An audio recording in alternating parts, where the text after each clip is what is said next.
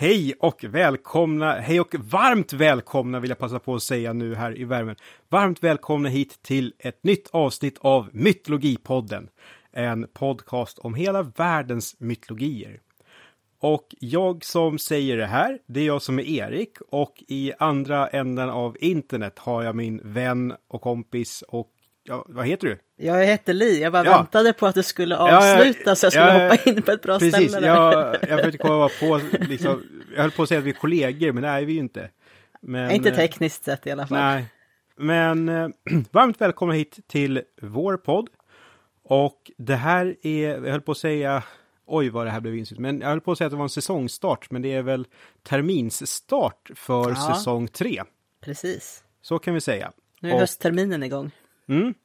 Hoppas att ni har haft en jättebra sommar, eh, ni som lyssnar, för det har vi haft.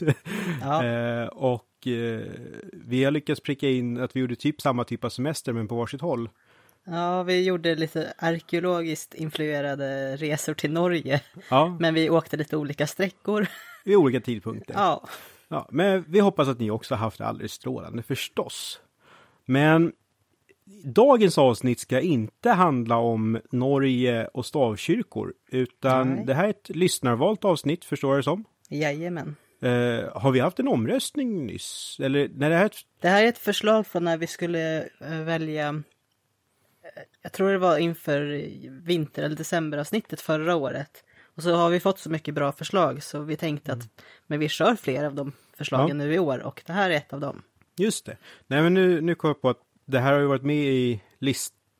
Det känns som fler omröstningslistor. Ja, det kan vara så. Och eh, hur, istället, och jag säger, oh, det här är ett jättekul ämne. Och så, jaha, det blev fladdermöss, det är också kul. Och sen så, åh, keltisk mytologi, med omröstning igen. Nej, det blev finsk-ugrisk mytologi, ja det är också coolt.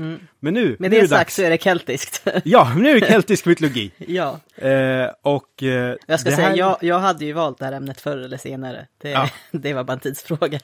Eh, ja, men det... Och vi har ju varit touchat på det många, många gånger. Mm. Och där sa jag, du hade gjort ett bra jobb här i vår, vårt lilla manus och faktiskt bara listat upp andra, till, all, andra avsnitt där vi varit inne på keltisk mytologi på ett eller annat sätt. Mm. Jag kan ju ha missat någonting, men eh, några, några grejer i alla fall. Mm. Vi kör som vanligt att vi har två olika, vad ska jag säga, gestalter Ja, var och eh, så kommer vi vara om med det. Men dit kommer vi, för vi har fått en lyssnarfråga också, eller en fundering. Ja, precis. Eh, Det är Katja som har skrivit till oss och undrat om myternas koppling till samhället. Och hennes tanke var ju liksom att hon var liksom glad att hon inte levde i de här gamla tiderna som eh, myterna verkar ha utspelat sig i och insett att ja, men just det, det är myter och inte verklighet. Men tänkte att myter berättades och formades säkert av människorna i eh, dessa gamla verkliga tider. Och vi, hon undrar hur mycket vi tror att myterna speglar de förhållanden som rådde i samhället. Ja, men till exempel att kvinnor våldtas eller rövas bort lite titt som tätt och ingen tycker det är konstigt. Eller ja, att man slog ihjäl folk eller skänkte bort sina barn och ja, lite sådär. Ja, men koppling, alltså koppling mellan myter och samhället i, i allmänhet, tänker jag. I hur, hur, hur man upp, upplevde, om, upplevde man myterna som rimliga rent verklighetsmässigt eller förstod man att ja, men det här är bara berättelser? Ja, men lite, jag tror att hon tänker lite så. Jag tänker bara inledningsvis att det nog kan vara väldigt olika. Att vissa myter kan ju säkert, alltså att de har hört den där myten på samma villkor som, alltså när jag läser serietidningar om eh, Marvel superhjältar eller sådär, att jag, det finns lite referenspunkter men samtidigt att jag förstår, det här är ju inte någonting på riktigt. Men för det mesta tror jag att myter nog är, ja men lite ingen rök utan eld. Och även fast en myt kan verka jättekonstig och spacad och sådär, så kanske det faktiskt kan vara någonting som har hänt för jättelänge sedan och så har det påverkats, kanske någon annan händelse som också påverkar olika kulturer som möts och så blir det då någon dundervariant till slut. På något sätt så tror jag att mycket av det mytologiska kan ses i de samhällen där det har berättats också. samtidigt som att vissa myter nog kan vara lite gammaldags. Mm. Att om man då tar det, det norröna som vi gärna pratar om så ofta vi bara kan. Men att för då de medel, tidigmedeltida islänningar som så småningom börjar skriva ner där också. Att vissa av de här sakerna måste ha känts jätteutdaterade för att samhället de levde i såg helt annorlunda ut. Men att det är ändå, vad ska jag säga, för, förfädras och förmödras mytologi. Mm. Någonting sånt. Och då skrivs ju berättelserna om och blir på sätt, de blir liksom en ny variant av myterna som passar in mer i deras samhälle i och för sig. också. Ja, ja, ja och, och det är ju i sig en jättebra poäng i, ja men bra att du sa det, att, att, eh, att myterna faktiskt uppdateras till sin tid. Ja. Det är ju jätteviktigt i det här, bra. Eh, Och sen tänker jag också att, ja men till exempel med mycket våldsamheter och så i berättelserna, i, i många myter, att jag vet inte om man ska vara så säker på att folk kanske upplevde det som, ja men det här är bara vardagsmat. Det är mycket våld och så i våra medier nu för tiden som vi förstår att ja, vissa så här jobbiga saker händer på riktigt och det får man ju liksom hantera. Det betyder ju inte att alla utsätts för det hela tiden däremot. Sen tänkte jag ju också rent på annat hur, hur myter speglar förhållanden som rådde i samhällen. Att, eh, inom arkeologin så pratar man, tar man ju väldigt gärna upp eh, ett vulkanutbrott som ledde till solförmörkelse i ett par år i stor del av världen. Och det här syns ju då, eller återspeglas i olika myter från världen. Eh, I det norröna just med tanken om fimbulvintern som ja, men gör, liksom gör, ger, eh, det blir kallt och jävligt och missväxt och så. Och att det kan vara liksom ett mytologiskt minne av en verklig händelse. Då man tar de här nya rönen när rökstenen omtolkades för, vad är två år sedan. Att rökstenen skulle då, den inskriptionen, att man tolkar det nu som någon typ av eh, klimatkatastrofrädsla. Att då är det, rökstenen görs ju, vad är tre eller 400 år efter den här naturkatastrofen.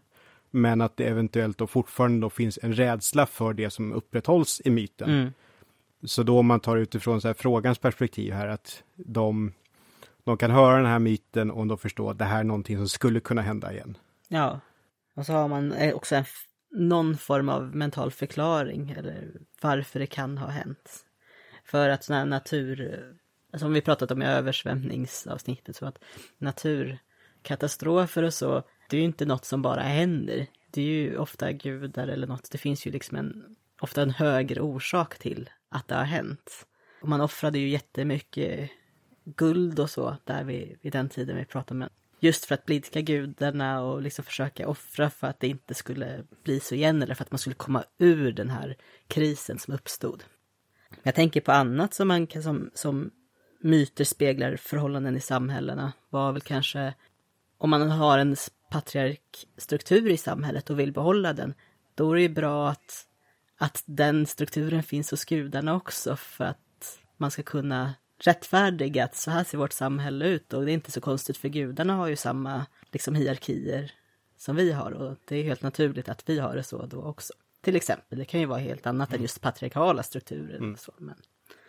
Ja, och där i samma, alltså i relation till det, att då tänkte jag på i eh, Trymskvida i den äldre Eddan, där när Torshammar är stulen och så vill en jätte gifta sig med Freja, men Freja säger nej.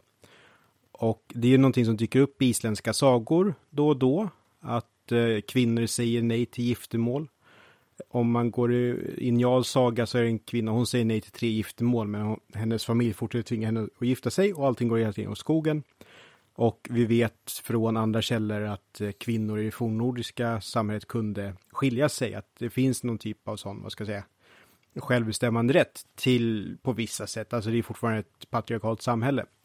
Men att då någon som Freja faktiskt säger nej tycker jag ger då mer vikt åt att det nog hade kunnat hända i det, det mänskliga samhället också.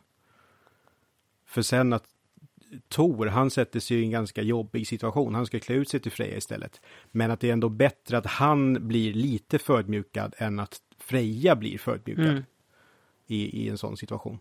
Sen tänker jag att olika situationer kan ju vara från olika håll och då tänkte jag, jag kom på en sak jag såg på internet, då handlar det sig om modern mytologi, om man ska säga.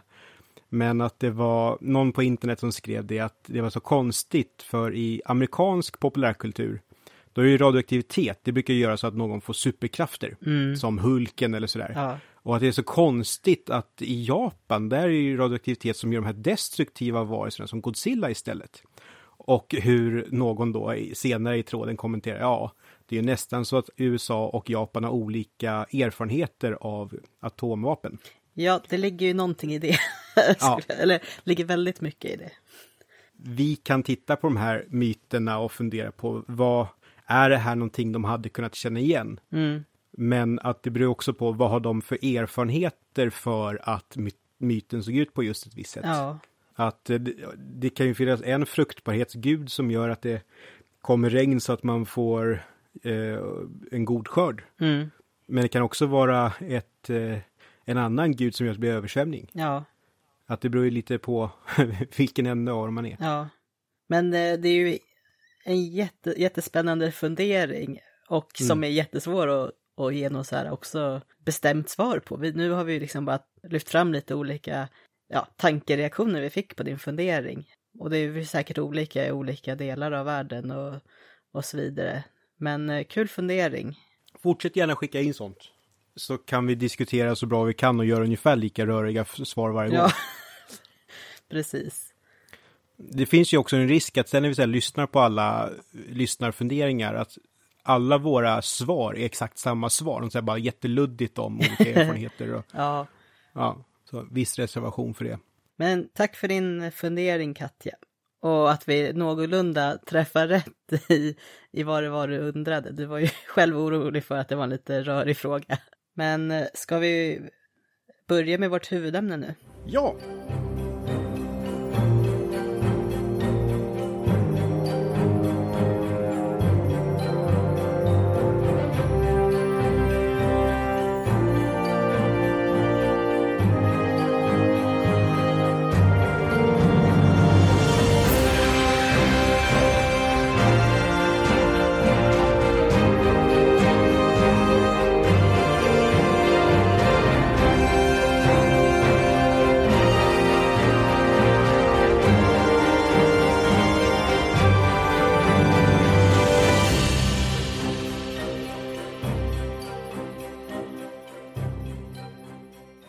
Jag har ju tänkt prata om två olika karaktärer. En, en kommer jag vara ganska kortfattad om, för jag har lagt väldigt mycket på att få, få ner uppgifter nu om keltisk mytologi och vad keltiskt innebär överhuvudtaget. Så det kommer att bli en ganska matig introduktion. Och sen får Erik börja berätta med en av sina. För att börja med själva bara begreppet keltisk. Jag har ju nog, vi har nog varit inne på det lite vid tidigare tillfälle. Men att just det här begreppet keltisk är, liksom, kommer ursprungligen från språkvetenskapen och betecknar områden där besläktade keltiska, spr- keltiska språk har talats. Och det rör sig då om brittiska öarna och Irland, eh, Frankrike, som då kallats, när det kallades för Gallien, Spanien, Galicien, Turkiet, Galatien och så flera områden liksom däremellan. Och själva ordet keltisk kommer från grekiskan keltoi och det ordet användes bland annat av Herodotus på 400-talet före Kristus. Och andra ord som används är keltae, galate och galli på olika klassiska språk då, latin också. Och gallerna Asterix och Obelix är ju då också kelter. Gallerna är kelterna. Och de lever i det romarna kallar för Gallien, alltså ungefär Frankrike. Och romarna använde just begreppet galler om kelter. Eh, och det kan ha funnits, kallade sig själva för det också, alltså kelter. Eh, och att det därifrån grekerna själva fick sitt ord för eh, den här gruppen. Men det är ju inte, det är ju ganska långt ifrån helt säkert, utan det är ju liksom olika teorier som finns. Och att hur, vad liksom ursprunget till ordet är. Och sen tänker jag att vad de här, vad ska jag säga, grekiska och romerska författare tycker är kelter eller galler, att det är lite förändring över tid. För grekerna, där känns det som att allting norrut som inte är skyter typ, de är kelter. Mm. Eh, men sen romarna, att ja, Julius eh, Caesar, han sätter ju gränsen att om det är väst om Renfloden, Mm, då är det galler eller kelter då. Och är det öster om Ren, då är det germaner. Ja, Att, eh, men att jag vet inte om grekerna riktigt hade något liksom, förhållningssätt till det som senare skulle kallas för germaner, så då blir det också lite... nej. Nej, så de har ju liksom tagit då ord från en kelt, nu kallar vi Mm. en keltisk grupp, grekerna respektive romarna gjorde det. Och använde just de här begreppen kelter och galler liksom lite som paraplybegrepp för Mm. ganska olika sorters grupper av, av människor. Eh, och därför, just därför är det väldigt svårt att veta vad de här olika keltiska grupperna och stammarna har kallat sig själva. Mm. Eh, Ja, och sen som du säger, att det är så sjukt stort område. Ja. Att, att eh, jag, jag såg att, nu kanske jag knycker saker ur ditt manus lite i förväg, men att vi tänker ju ofta på brittiska öarna, ja, men att, att man ska se något likhetstecken också mellan vad, vad gjorde de på Irland med vad gjorde de i Turkiet? Mm. Att visst, antika författare kallar för samma saker, att det är liknande arkeologi. Det är ju eh, Hallstatt-tiden Mm. och latenetiden, eller kulturen som vi pratar om. och då är vi liksom inne i Centraleuropa. Ja, men liknande föremål. Sen, det kan ju vara, jag har ingen aning om hur språken ser ut, dialekterna. Är det som att, är det som, eh, vad ska jag säga, danska och norrländska eller är det som att prata om så olika språk det är nu så länge det är någon typ av indoeuropeisk Mm. nordlig gren. Rätt spretigt kan det vara. Det kan vara det, absolut. Och eh, själva stamsamhällena som, som har funnits då har ju haft väldigt stor variation i de här olika områdena, både vad gäller kultur och myter, även om det finns något gemensamt. Och det är ju inte, jag skulle gissa väl att det kanske inte är helt säkert att bara för att man pratar keltiskt språk att man nödvändigtvis hade en keltisk kultur på vissa platser, att det kan ha liksom uppstått blandningar och så vidare. Generellt då så är ju deras eh, trosystem, eller vad man ska säga, syn på gudar är ett polyteistiskt eh, perspektiv där olika stammar haft olika gudar som har varit olika viktiga. Och så finns det ju kanske vissa gudar som är lite mer spridda än andra. Och vad gäller just språken, de keltiska språken, de finns ju bara kvar på de brittiska öarna och eh, i Bretagne. De kelterna som bodde då på brittiska öarna kallar man då för insular Kelts, alltså, ö, alltså ökelterna betyder det ungefär. De andra kelterna kallar man oftast för då kontinentala kelter eftersom de bor på kontinenten. De språken som fortfarande finns då, det finns, de är uppdelade i två språkgrupper. Geliska språk och brittiska språk. Och de geliska språken består av irländska och skotska och manniska eller manx som man säger på engelska. Och det, är det, som man, det talar man på Isle of Man. Sen har ju då också eh, kumbriska och piktiska som är utdöda språk funnits och de vet man inte ex- riktigt hur de har låtit, exakt hur de har, har, har låtit. De brittiska språken, det är alltså inte engelska, för det är ju ett, det är väl ett germanskt språk eh, från grunden då, som kom med, med anglerna. Och eh, de brittiska språken är alltså det som kallas för Brythonic languages på engelska, är kymriska eller walesiska som man pratar i Wales. Bretonska som eh, har talats i Bretagne som ligger i Frankrike. Men det språket, det kom från de brittiska öarna till och utvandrade egentligen till Bretagne. Och så är det corniska eller cornish som man har talat i Cornwall väldigt länge. Och vad gäller de kontinentala keltiska språken så finns det väldigt lite bevarat. Det är ju ingen som pratar de språken längre. Eh, Eller att det liksom inte kunnat leva vidare. Jag tror att det är 300 personer som pratar cornish, men att det är en upp, återupplivad tradition. Mm, Jag tror alltså den sista som dog, det är en oavbruten tradition. Alltså hon levde, var i slutet av 1800-talet eller någonting. ja, ja men precis. Så det var ju liksom levande men sen har man ju fått återuppliva det. Och just de här kontinentala, det är liksom de, de fragment som finns kvar, de lever, det är ju ofta i kortare inskriptioner man hittat det i, eller i ortnamn, man kan språkhistoriskt luska fram dem. Eller, eller att vissa ordrester finns kvar i andra språk. Just som du var inne på Erik, det är ju just de brittiska områdena man tänker på när man tänker på kelter och varför är det så? Bland annat när det kommer till myterna eh, så, så de myter man känner till, berättelserna, är, är för att de skrevs ner där på, på de brittiska öarna och just att språken är bevarade där. Och varför är det så? Jo, romarriket expanderade ju ganska mycket, som de flesta av oss vet. Men på de brittiska öarna så liksom trängde de ju liksom inte genom he hela, hela alltet. Och med romarriket kom ju sen då också kristendomen att börja ta plats. Eh, och sen så vad gäller kontinentala eh, keltiska områdena så, så var det ju kanske inte bara romarriket som växte, det kom ju också slaver från, från östra hållet.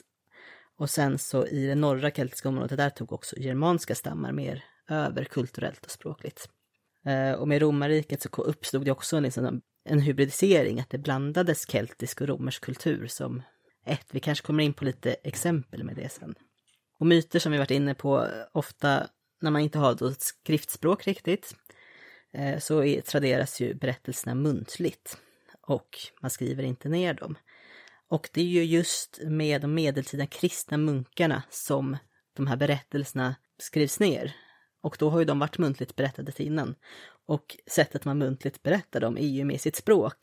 Och det är ju just i de områdena där fortfarande de keltiska språken levde kvar som berättelserna då kunde finnas. Det är bara så här brasklappa där att det finns ett keltiskt skrivsystem som heter Ogam. Ja. Eh, men där det är, liksom, det är inte historier som traderas där. Eh, utan det är från ett korta inskription, jag tror att det är namn och så finns det någon så här känd historia där någon har skrivit ordet bakfull har jag för mig. Ja. Eh, men att Ogam-inskrifterna, det, det, är lite som, de jämförs ofta med runor och runorna är inte heller så historieförmedlande utan att det är lite mm. framförallt vår mänskliga värld. Mm. Eftersom det är just de här brittiska som vi, myterna vi kommer att utgå från mest nu eh, så får jag väl också dra lite kortfattad historik om kelterna i Storbritannien och på Irland. Kelter de kommer dit redan i början av sex, eller under 600-talet före Kristus och börjar då eh, ersätta och eller beblandas med den ursprungliga befolkningen. Sen kommer en andra vår under sista århundradet före Kristus. Och det är främst gruppen Belgae från södra Belgien. Och då börjar småkungadömen börja skapas och andra keltiska stammar tillkommer dit också. Och en viss romersk närvaro eh, pågår ju också under den tiden. Vad tyckte eh, Julius Caesar om eh, belgarna? Ja, för i Galliska krigen, han berättar ju om de han möter, men han lyckas besegra Kymrer och, ja vad heter de nu, ja, teotoner. Men belgarna, de står emot Rom och han skrev att de är de tappraste av alla galler. Och det är mitt sätt att försöka impa på bil- belgare när jag träffar dem. Åh, mm. eh, Caesar tyckte att ni var de modigaste av alla. Och de har ju hört det här i skolan så de ser alltid så oerhört stolta ut. Eh, och jag tror ja. att det finns ett Asterix-album också, Asterix och belgarna någonting, men jag har inte läst det. Ja, det, ja. ja jo, men det finns. Jag läste men det var många år sedan. I alla fall. Ja. eh, romarriket då, då, nu är vi ju då efter Julius Caesar, 43 efter Kristus. Eh, så sker då en romersk invasion. Det är kejsar Claudius som ser till att dra igång, dra igång den här romerska invasionen av de brittiska öarna. Som längst kommer man till platsen när man bygger Antoninus mur. Och det här är ungefär hundra år efter den där påbörjade invasionen, så det, det händer ju lite däremellan. eh, och Antoninus mur låg då i det som är nuvarande Skottland, precis strax norr om Glasgow. Jag tror att det liksom har passerat genom någon förort till Glasgow till och med. Eh, och det här ligger ju då en bra bit norr om Hadrianus mur. Eh, men Antoninus mur blir inte så långvarig. Man drar sig tillbaka till Hadrianus mur efter cirka 20 år. Och den ligger ju då i princip, alltså väldigt nära eh, engelsk-skotska gränsen. Efteråt, eh, på 400-talet, då är det alltså en grupp germaner, saxare, som kommer till Storbritannien och börjar etablera sig. Eh, och just det här, både att det har varit en romersk eh, kolonisering i framförallt England Och sen att saxarna kommer och etablerar sig där. Separerar ju de här olika keltiska områdena som vi varit inne på med språken. Vi har Cornwall längst, alltså nere i sydväst och så Wales en liten bit norrut på den västra kusten. Men de liksom sitter ju liksom inte ihop. Och sen så har vi då, ja Isle of Man är ju en ö så den är ju eh, separerad. Irland också separerat och så Skottland längst upp i norr. De har liksom ingen gemensam sammansittande landmassa utan ska man resa via land då måste man resa genom eh, det de romerska eller det senare då eh, saxiska området. Och det är förmodligen också lite kanske därför som viss, att de språken kan utvecklas åt lite olika håll, för de har ett väldigt liksom, liknande eh, urspråk då, på samma sätt som man i Skandinavien har haft ett liksom, fornnordiskt språk, som sen har blivit ett forndanskt, fornnorskt, fornsvenskt och så vidare. Och de här keltiska områdena blir ju mer eller mindre kulturellt isolerade. Eh, deras språk går ut, kultur får utrymme att finnas kvar. Och det gör, som jag var inne på tidigare, att deras muntliga berättelser bevaras tillräckligt länge för att sen den här mer skriftbaserade kulturen ska skriva ner dem. Och sen är det såklart mycket eh, som lever kvar i den lokala folktron.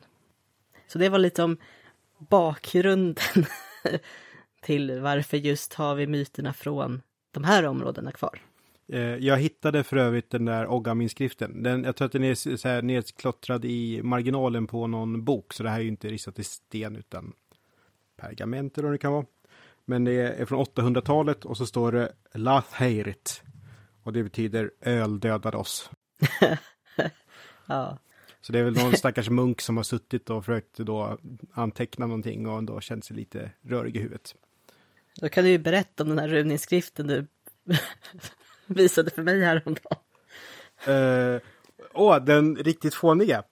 Ja. Det här har 0% med kelter att göra, men jag tycker att det är lite kul att kolla upp runinskrifter. Jag sitter med runtextdatabaser så ofta jag bara kan. Uh, men så hittade jag, det var skrivet på en pinne från Bergen i Norge, så det är medeltid. Och visst är det roligare om jag först läser det på forn, alltså medeltidsnordiska och sen så tar vi översättningen efteråt?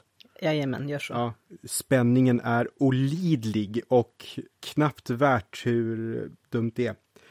Eh, men då står det då på den här träbiten som he, den har fått beteckningen NB584, alltså den 584 inskriften i Bergen i Norge. Seist nider och ras runar, ris upp och fis vid. Och det betyder då sätt dig ner och tyd runorna res dig upp och fis.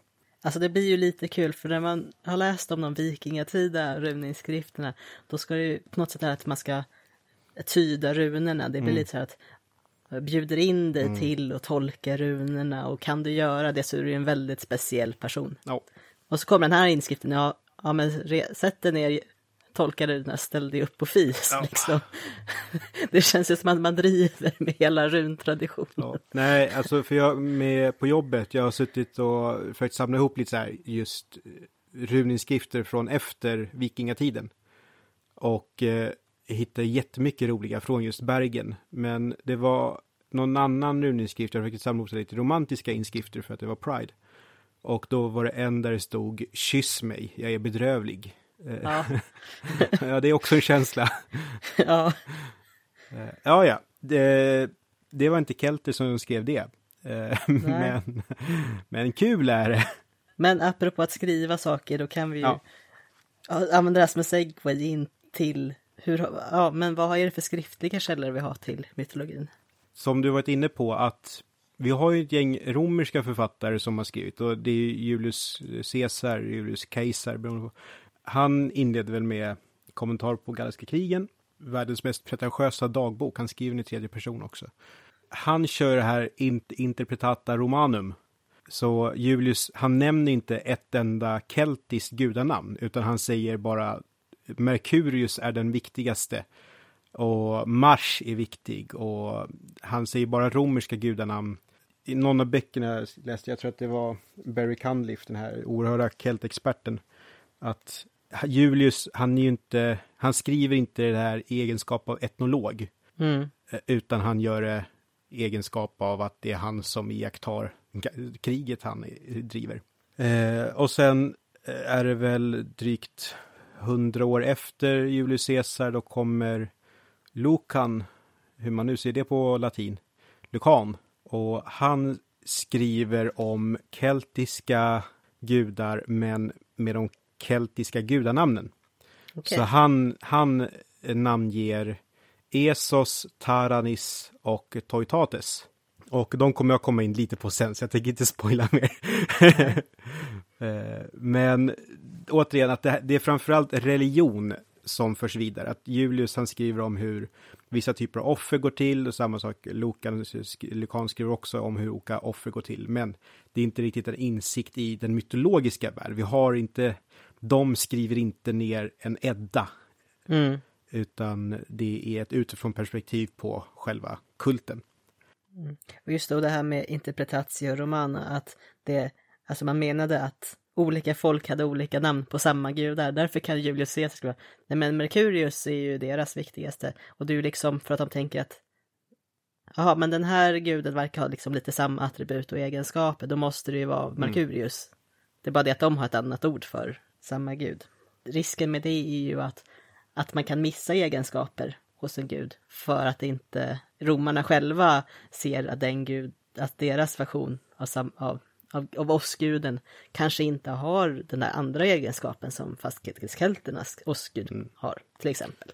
Och, och, samtidigt hur vi kan få vissa saker på köpet istället. Precis. För, när, för det står verkligen att det, Merkurius är den viktigaste guden.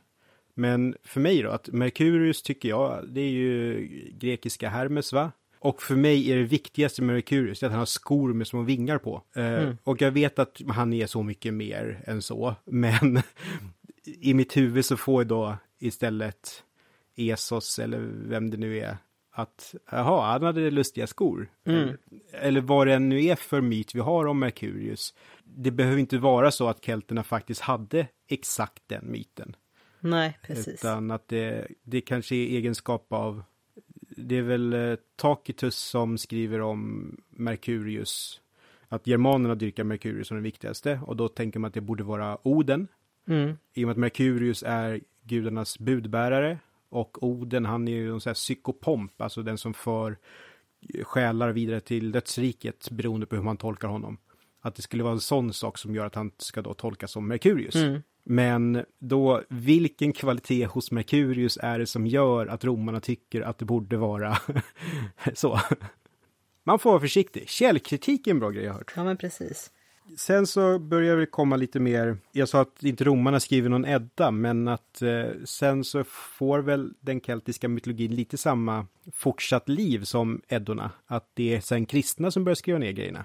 Mm. Har jag förstått rätt då? Jo, så är det. Och det är ju framförallt i Irland och Wales som där munkar just som eh, kristna munkar som skriver ner de här berättelserna som annars har berättats muntligt. Skriver de det i egenskap av att de bevarar sagor eller gör de det för att bevara någon typ av historieskrivning? Vet du någonting om det? Ja, det, alltså det är nog lite både och, tror jag.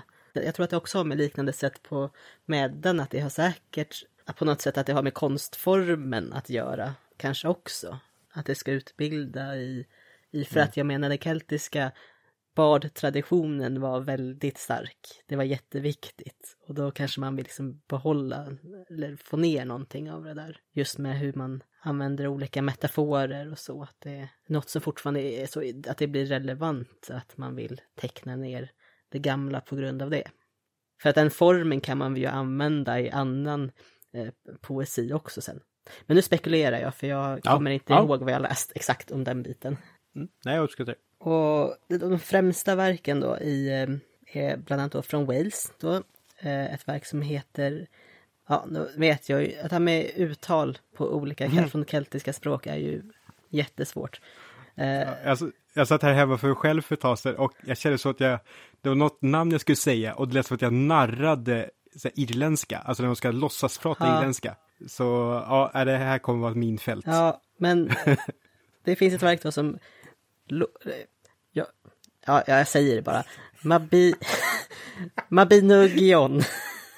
Det, ja. det, det, är så det stavas, Mabinogion. Ja, det är bra. Eh, och det nedtecknades på 1300-talet då och finns bevarade i två verk som kallas för The White Book of Ridderch och The Red Book of Hergest. Eh, men fragment finns av dem i manuskript från redan från 1200-talet.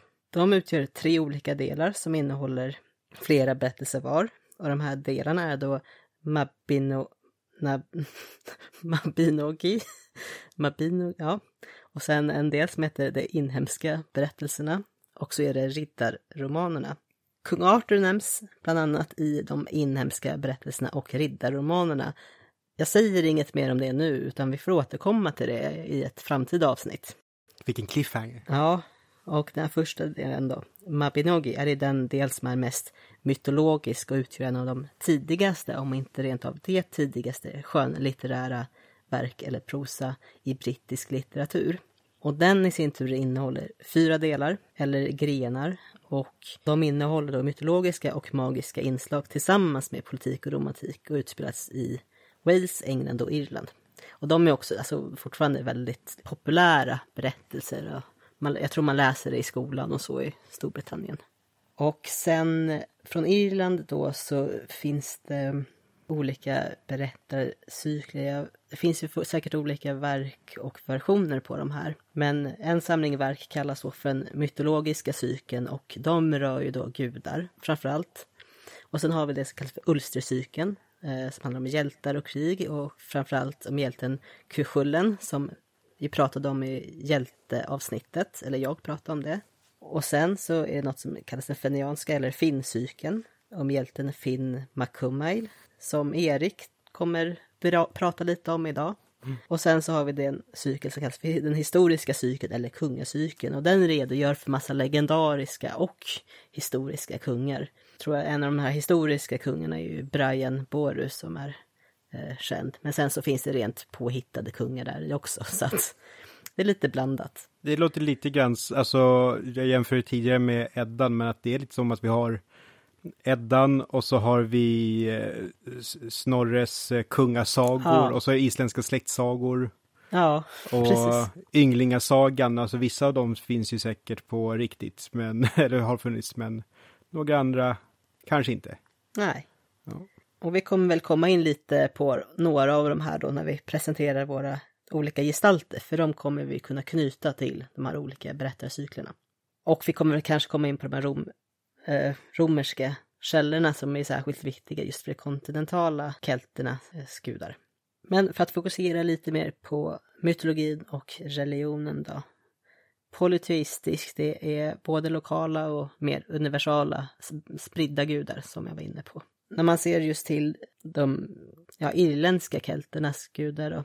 Jag har, jag har valt att liksom lite fokusera på, på irländska och, eh, gudarna nu tillhör en grupp då som kallas för Tuathade eller Tuathade Danan. Och det betyder då eh, folkets från gudinnan Danu. Eller Tuathade bara gudafolket på något vis. I Wales så eh, kallas de här grupperna för Plant Don, alltså Dons barn, eller Plant Lyr, alltså Lyrs barn. Och det är ju de två huvudgudarna då. En grej med keltiska gudar är att de ofta finns som tredelade gudar eller trippelgudar som hör ihop. Ibland är de tre aspekter av en gud eller som tre egna gudar som på något sätt ändå hör ihop. Några viktiga gudar är då The Dagda, den stora guden eller den goda guden som är en sorts eh, faderfigur och kung och druid. Och sen finns då The Morgan eh, som är liksom en drottninggud men framförallt är då en trippelgudinna eh, med fokus på just krig. De olika trippelgudinnorna, eller aspekterna som eh, hon består av, eh, representerar olika aspekter av strid. Eh, och hon är mest känd då för, för sin inblandning i berättelsen Tainbow Collange som är det här med kukullen som jag, vi pratade om i hjälteavsnittet. Så det får ni gå tillbaks till om ni vill veta mer. Eh, sen har vi guden Lugg som jag ska berätta mer om senare. En annan som kallas för Noada är Getlam Noada Silverhand och han kommer också komma in på oss längre fram. Ja, det finns, ja, nu, nu kommer jag bara rabbla upp några. Det är någon som heter Dian Kecht som är en sorts helare. Angus som är en, eh, lite av en kärleks och sommargud. Och sen så finns eh, en gudinna som heter Brigid som jag kommer prata om i slutet. Och sen har vi Manannan som är eh, en havsgud och krigare och eh, kopplas då till The Otherworld som är en sorts eh, parallell värld, den keltiska tron. Sen finns det en smidesgud som eh, heter eh, Goibnu, eller Gofannon kallas han ibland. Och den här gruppen med gudar, Tuathade, de har eh, rivaler, Fomorians. Och jag tror att vi pratar, eller jag pratar lite om det här i avsnittet den andra, att just de här, om de här olika grupperna. Och sen har, finns det ju massor av namn på olika kända från kontinenten, men där vi saknar deras historier, vad de gör och så. Men det finns avbildningar av dem och varifrån och inskriptioner varifrån man kan få deras namn och deras olika attribut. En som vi, jag vet inte om vi pratade om Kernunnus i avsnittet om hjortar. Han är ju en gudagestalt med hjorthorn och, eh, eller åtminstone någon sorts hjorthornsliknande horn och med en halsring och ja, verkar vara lite av ett naturväsen på något vis. Ja, och, och där är det dock krångliga med romarna, för jag tror att vi får namnet Kernunnus får vi från framförallt romerska texter och inskriptioner och det kan finnas så här då det här det romano-galliska, alltså när de religionerna slås ihop. Att det finns någonting därifrån. Men sen ja. så har vi då avbildningar då det är en, eh, vad ska jag säga, manligt kodad figur med horn och det halsringen som du nämner. Och på Gundestrup-kitteln, ett eh, silverkittel som hittades i Danmark men som är tillverkat på mer sydkeltiskt område, antagligen. Så ser man då eh, behornade figuren som sitter och håller i en orm och håller i någon ring och sitter i typ lotusställning. Men att just namnet, namnet Canunnus betyder den behornade. Så mm. det borde vara Canunnus Precis. på de här avbildningarna. Precis. Jag kommer inte ihåg nu om det faktiskt finns någon sån avbildning där man har namnet bredvid. Men alltså jag, jag tycker själv att det är en ganska rimlig teori. Men rent teoretiskt i teorin så är det bara också att nej, det är inte alls Canunnus. ja, och eh, nu hoppar jag händelserna lite i förväg. Men just det här med namn är att det är också väldigt vanligt att, för kelterna tänker då att namnen är liksom på något sätt ofta nyckel till, till någontings essens och energi på något vis, eller kraft. Så man är väldigt försiktig med att använda de faktiska namnen, utan man Jaha. har dem ofta epiteten för att benämna sina gudar. Så man kanske aldrig, om någon, den här som skrev ner Cernunus, kanske aldrig någonsin fick, liksom, om det var en romare, kanske inte fick veta exakt vad guden hette, utan bara, ja men vi kallar den guden för den behornade, men det faktiska namnet kanske inte var så spritt på så sätt. Så det är ju det är inte säkert att vi har, att det riktiga namnet finns bevarat någonstans i så fall. Störigt. Ja.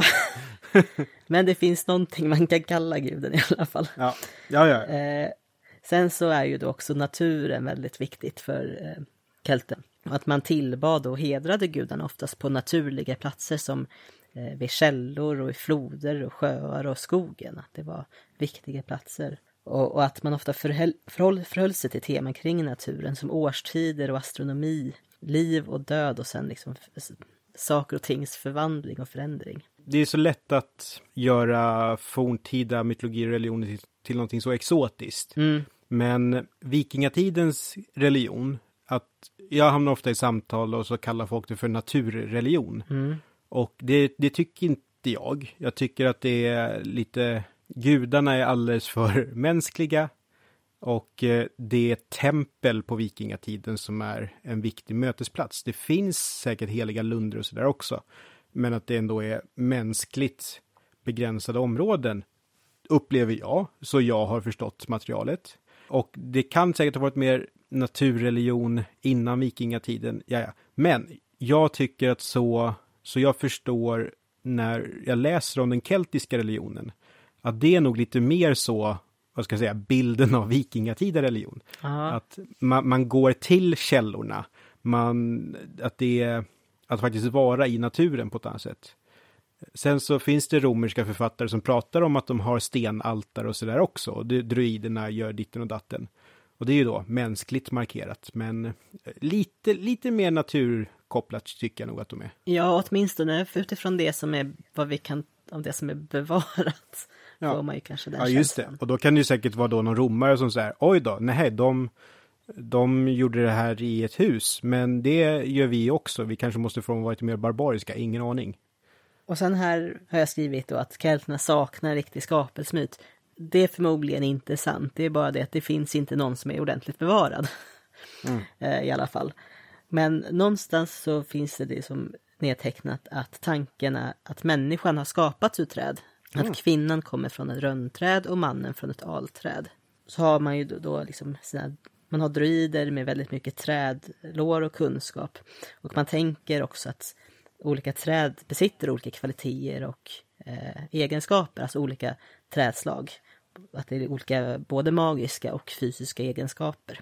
Och att vissa träd mer än andra kanske är mer beskyddande. Och här har man också en tanke om en sorts världsträd med rötter i underjorden och sen så stammen som går genom vår värld och så grenarna ut i himlen och i toppen finns Polstjärnan. Eh, det här är också på något sätt, eh, där finns det något gemensamt med den germanska. Jag tänkte också på hur människan skapas av ja. träbitar där också. Ja, precis. Mm. Och just då sen det här med, med olika, eh, när det kommer just till kulturen och kulten, så, så i de här klansamhällena som Keltnam bestod att de här klanerna kunde också spåra sina ätter bak till olika djur eller gudar som kopplas till särskilda djur. Så att man kanske hade en klanidentitet som var väldigt viktig och ja men vi, vi vår ett härstammar bak till vildsvinet eller vår ett härstammar bak till, jag vet inte, björnen eller något annat. Det, så där fanns, fanns det också. Eh, och att man har då en kung eller hövding som ofta är liksom en av dem som är högsta hönset. Åtminstone liksom kanske mer strate strategiskt militärt högsta höns. Och sen så har man ju då barderna som var väldigt viktiga där, individer i samhället. Och man, de höll ju på då med konstformen av det talade ordet. Och det var ju de som på något sätt var viktigast i att sprida myterna och berättelserna. Och berättelserna och myterna var kanske inte alltid så bokstavliga utan det var ofta väldigt mycket metaforer som vi var inne på. Det är också lite i likhet med det germanska med känningar och så. Jag vet inte om de hade just känningar men att man inte sa rakt ut att det var det där utan man sa någonting annat som man ska förstå utifrån gemensam referensram förstå vad det är pratar om. Utan det, ska, det ska göras på ett snyggt sätt. Eh, och sen fanns det något som kallas för vates och jag tror att det är ett romerskt ord. Men att det är då siare eller drömtydare. Eftersom världen påverkas av gudar så är det väldigt viktigt med personer som kan läsa olika omen. Och till skillnad från att bli eh, bard eller till exempel druid så, som man kan utbildas till. Så att vara en sån här drömtydare, det är en medfödd förmåga den personen har. Och sen så är då druiden är också liksom en av de som är högst stående eller viktigast i samhället, det keltiska samhället.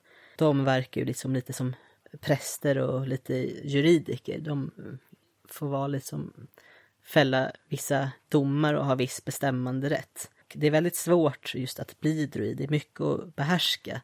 Så det är en väldigt, liksom, väldigt lång grundlig utbildning så att det är ju liksom kelternas akademiker på sätt och vis. De memorerar ju saker på vers och så för att de har kanske inte allt i skrift. De använder grekiska till viss del, kunde de göra, och skriva. Men det var liksom mer kanske för att hålla räkenskaper och sånt. Men de var ju väldigt viktiga. Så om jag förstår rätt också att när romarna väl försöker, alltså när de har tröttnat på keltisk mm. uppror eller vad det kan vara. Att eh, någon gång första århundradet efter vår tidräkning att romarna i princip tillintet gör druiderna. Eh, jag tror att Tacitus skriver om det. Mm. Att eh, romarna verkligen ska ha tagit sig till där de utbildas eller där de samlades på något sätt och ja, gjorde slut på det. Ja. Och, och då blir det liksom något identitetsbärande som försvinner. Ja. ja. Och med det sagt så finns det ju folk som kallar sig druider nu för tiden mm. också, så det är någon sorts ny variant på det. Men mycket av druidernas eh, kunskaper har ju också att göra med eftersom det var väldigt så naturkopplat så satt ju de med kunskap om ja, men vilka träd som hade vissa egenskaper och så vidare. Och sen så nämnde jag tidigare det här med the otherworld som är en sorts andevärld eller en parallellvärld till de dödliga människornas värld. Men de kan komma dit, komma in dit och bli påverkade av en, den här otherworlden där när en människa har varit där så kommer den personen har förändrats på något vis, ofta på ett ganska extraordinärt vis, eller fått med sig väldigt speciella gåvor därifrån. Fysiska eller mer mentala gåvor kanske. Så nu ska jag försöka runda av det här också. Nu när vi har gått igenom väldigt mycket. Så det är flera saker man måste ta hänsyn till när man rör sig med det här begreppet keltisk. Att delvis är ju det här språkliga, att vi har att prata om olika språk som är keltiska. Och sen finns det religionen och kulturen också. Och allt det här påverkas av varandra. Och det fanns en rörlighet hos kelterna över många geografiska områden. Man är ju ganska säker på att kelter inte utgör en sorts enskild ras eller genetisk grupp. Och arkeologer kan ju, vi kan ju ta reda på vad liksom den materiella keltiska kulturen hos. Men även så har ju liksom keltisk kultur och språket fortsatt, även om, om vissa saker har försvunnit. Till exempel religionen har tagits över av kristendom så finns ju keltiska uttryck i till exempel konst och berättelser har ju funnits kvar då på brittiska öar i synnerhet. Och där har det till och med blandats med eh, germanska och nordiska uttryck. Till exempel när vikingarna bosatte sig i de keltiska områdena. Det finns ju då den här konststilen som kallas för Hiberno Norse. Är det någonting man oftast förknippar med keltiskt så är det just konsten i den, i den stilen med särskilda knutar och så vidare. Väldigt, väldigt snyggt. Så om, jag tänker ofta de här illustrerade kristna texterna från Irland är ju, ofta, är ju i den stilen ofta. Jag hade ett samtal en gång med en person som kom från ett annat land. Mm. Och han hade på sig en t-shirt med ett motiv från Urnes kyrka i Norge. Ja. Och så sa jag, oh, cool t-shirt, alltså snygg tröja. Och han sa, tack, det är keltiskt. Och jag sa, nej, det är norskt. Och han var, jo, det är keltiskt. Och jag kände, okej, okay, jag ska släppa, släppa det här. Mm. Men, men, för det är också att mycket sånt, när någon ser vikingatida konst och runstenstilar och ormslingor och sådär, det, det har ju så för folk generellt så är det ju framförallt en vibb av det keltiska i det. Ja. Och det är ju för att stilarna är besläktade. Ja, keltiska konsten har ju, den utvecklades ju väldigt under väldigt lång tid. Ja. Man tänker att vi var, som jag varit inne på med när kanske kelterna var som mest utspridda i Europa. Det är ju århundraden före Kristus. Men keltisk kultur har ju funnits väl, alltså ändå ganska intakt fram till medeltid. Alltså det är ju över tusen år. Det händer väldigt mycket med influenser och så. Det ser keltisk konst i början på före Kristus ser ju helt annorlunda ut än vad det gör tusen år senare. Ja. Men man kan ändå fortfarande kalla båda för keltisk. Och alltså det här när det kommer till arkeologisk keltisk stil, latene-stilen är ju, latene, mm. det är ju så oerhört snyggt. Mm. Det är så mjuka mönster och det är så geometriskt, eller vad man ska kalla det, och bara så oerhört snyggt. Och det är guld och det är brons och det är silver och det är så fantastiska föremål. Det är väldigt or organiskt. Ja. ja, det är speciellt. Nej, det, det tycker jag är bra grej. Eh, och då kommer jag att tänka på att jag såg en dokumentär som finns på SVT Play. Eh, just, det är en dokumentär från alltså i år, 2022. Och den heter Kelternas hemliga grav. Och för då handlar det just att de hittar en grav i, med föremål i sån här latenestil eh, i England, tror jag att det är. Så om man vill se lite mer sån keltisk arkeologi så kan jag rekommendera den. Mm. Och nu kommer jag snart låta dig gå över till ditt första ämne, Erik. Mm. Men jag tänkte först dra, om ni är intresserade av mer keltiskt, att gå tillbaks till våra tidigare avsnitt.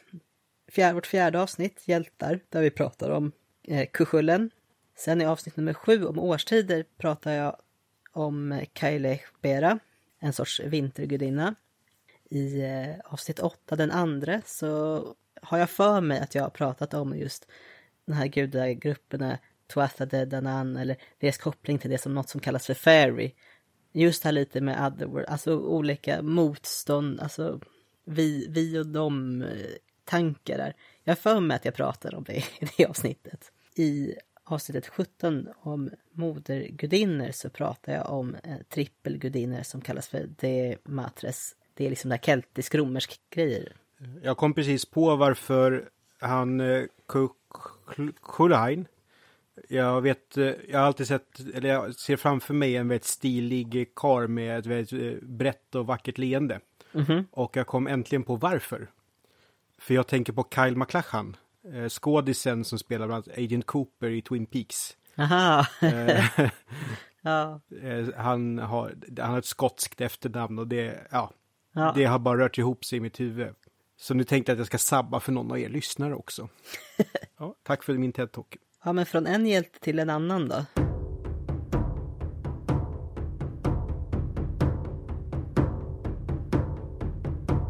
Nej, men då är det dags för...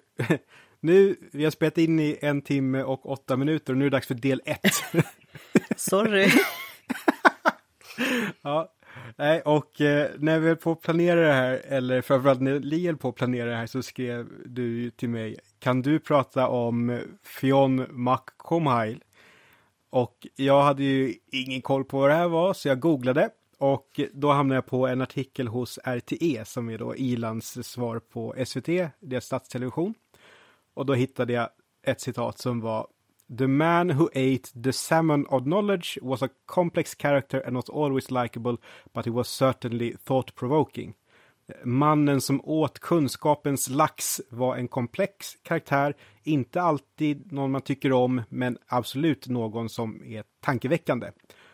Och jag kände, jo, men det är klart att jag ska prata om den här karln. Eh, jag har aldrig sett begreppet kunskapens lax förut. Då när jag försökte sätta mig in i det här materialet så blev jag faktiskt lite avundsjuk på hur oerhört mycket det finns. För det finns jättemycket runt den här karaktären. Och eh, det har mycket att göra med här, en av cyklarna som du nämnde. För det finns ju då fyra cyklar, den mytologiska cykeln, Ulstercykeln och sen är det Finncykeln. The Fion Cycle, eller på något försök till irländska Anfiana Hocht.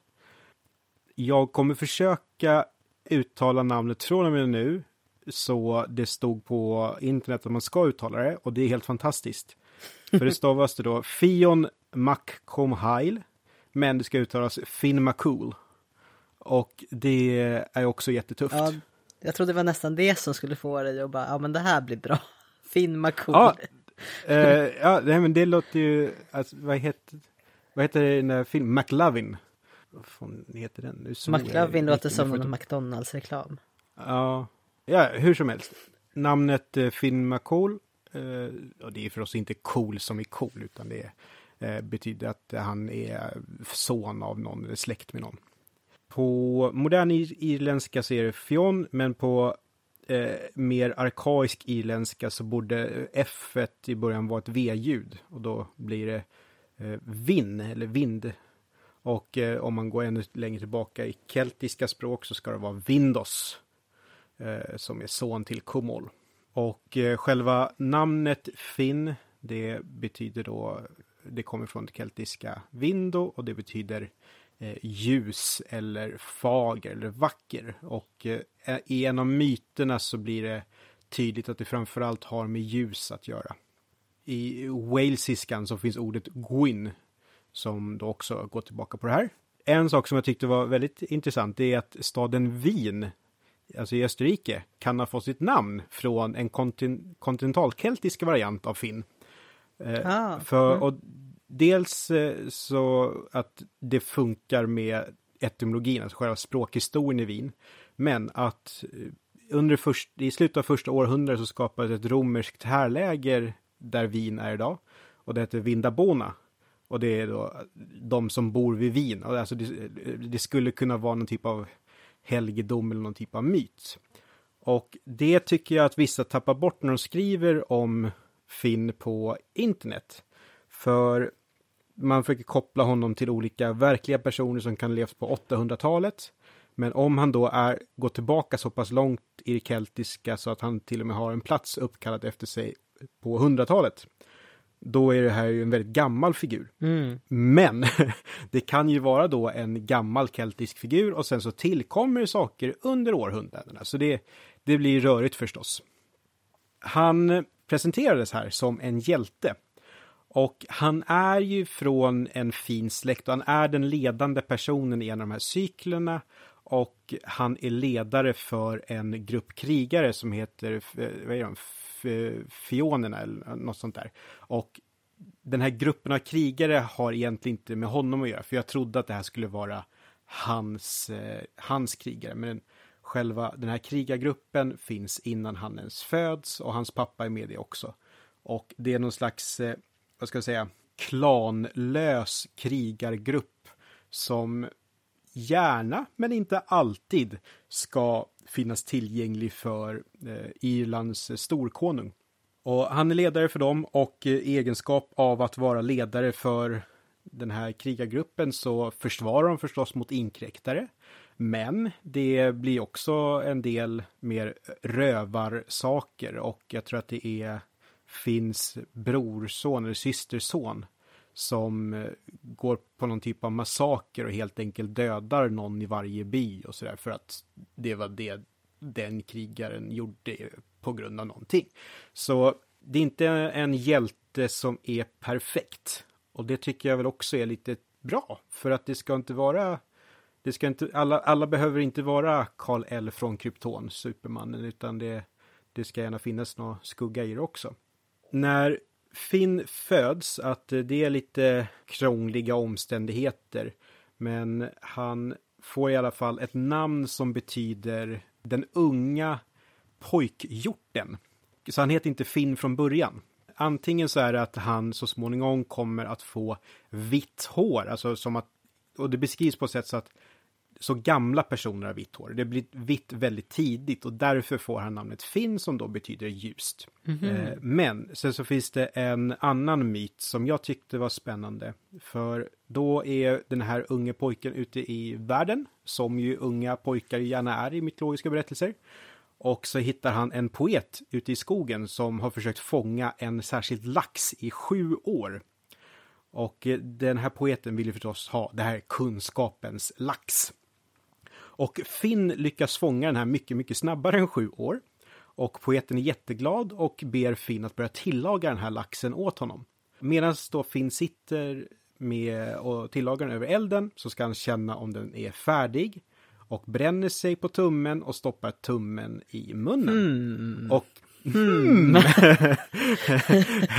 eh, och jag kommer snart börja förklara varför jag och Li håller på och hummar här. Eh, men när han då stoppar tummen i munnen, kan du ana Li, han får oerhörd kunskap. Han lär sig sånt han inte borde kunna annars. Säger du det? Ja, och eh, sen så då är tack och lov den här poeten lite trevligare än en viss annan mytologisk figur och låter Finn äta upp hela den här laxen. Och efter det här så tilldelas han namnet Finn och då kanske det, vad ska jag säga, ska man se det här som en initiationsrit, att han har nu gått över från att vara pojken till att vara en mer vuxen karaktär med stor kunskap. Mm. Och eh, anledningen till att vi då sitter och eh, åar oss, det är ju för att det här känns jättelikt Sigurd Fafnesbanes eh, berättelse om hur han är, eh, blir lärling till Eh, Sigurd är då från norröna mytologin. Vi har pratat om honom i några olika avsnitt. Säkert flera eh, gånger. Oh ja. Eh, jag snöade in på Völsungarna för ett tag sedan, så det känns rimligt. Hur som helst, att han är lärjunge till Regin och Regin suktar ju efter den här skatten som hans bror tog för länge sedan. För hans bror är Fafner och det är en skatt som betalas som pant för att deras andra brorsa dog, han dödades av gudarna. Det här blir jätterörigt. Men regeln vill i alla fall ha tillbaka släktskatten och får Sigurd att döda Fafner åt honom.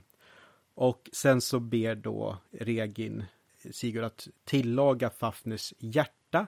Och när Sigurd tillagar det så känner han på hjärtat för att se om det är färdigt och då bränner han sig på tummen och stoppar tummen i munnen och då lär han sig fåglarnas sång.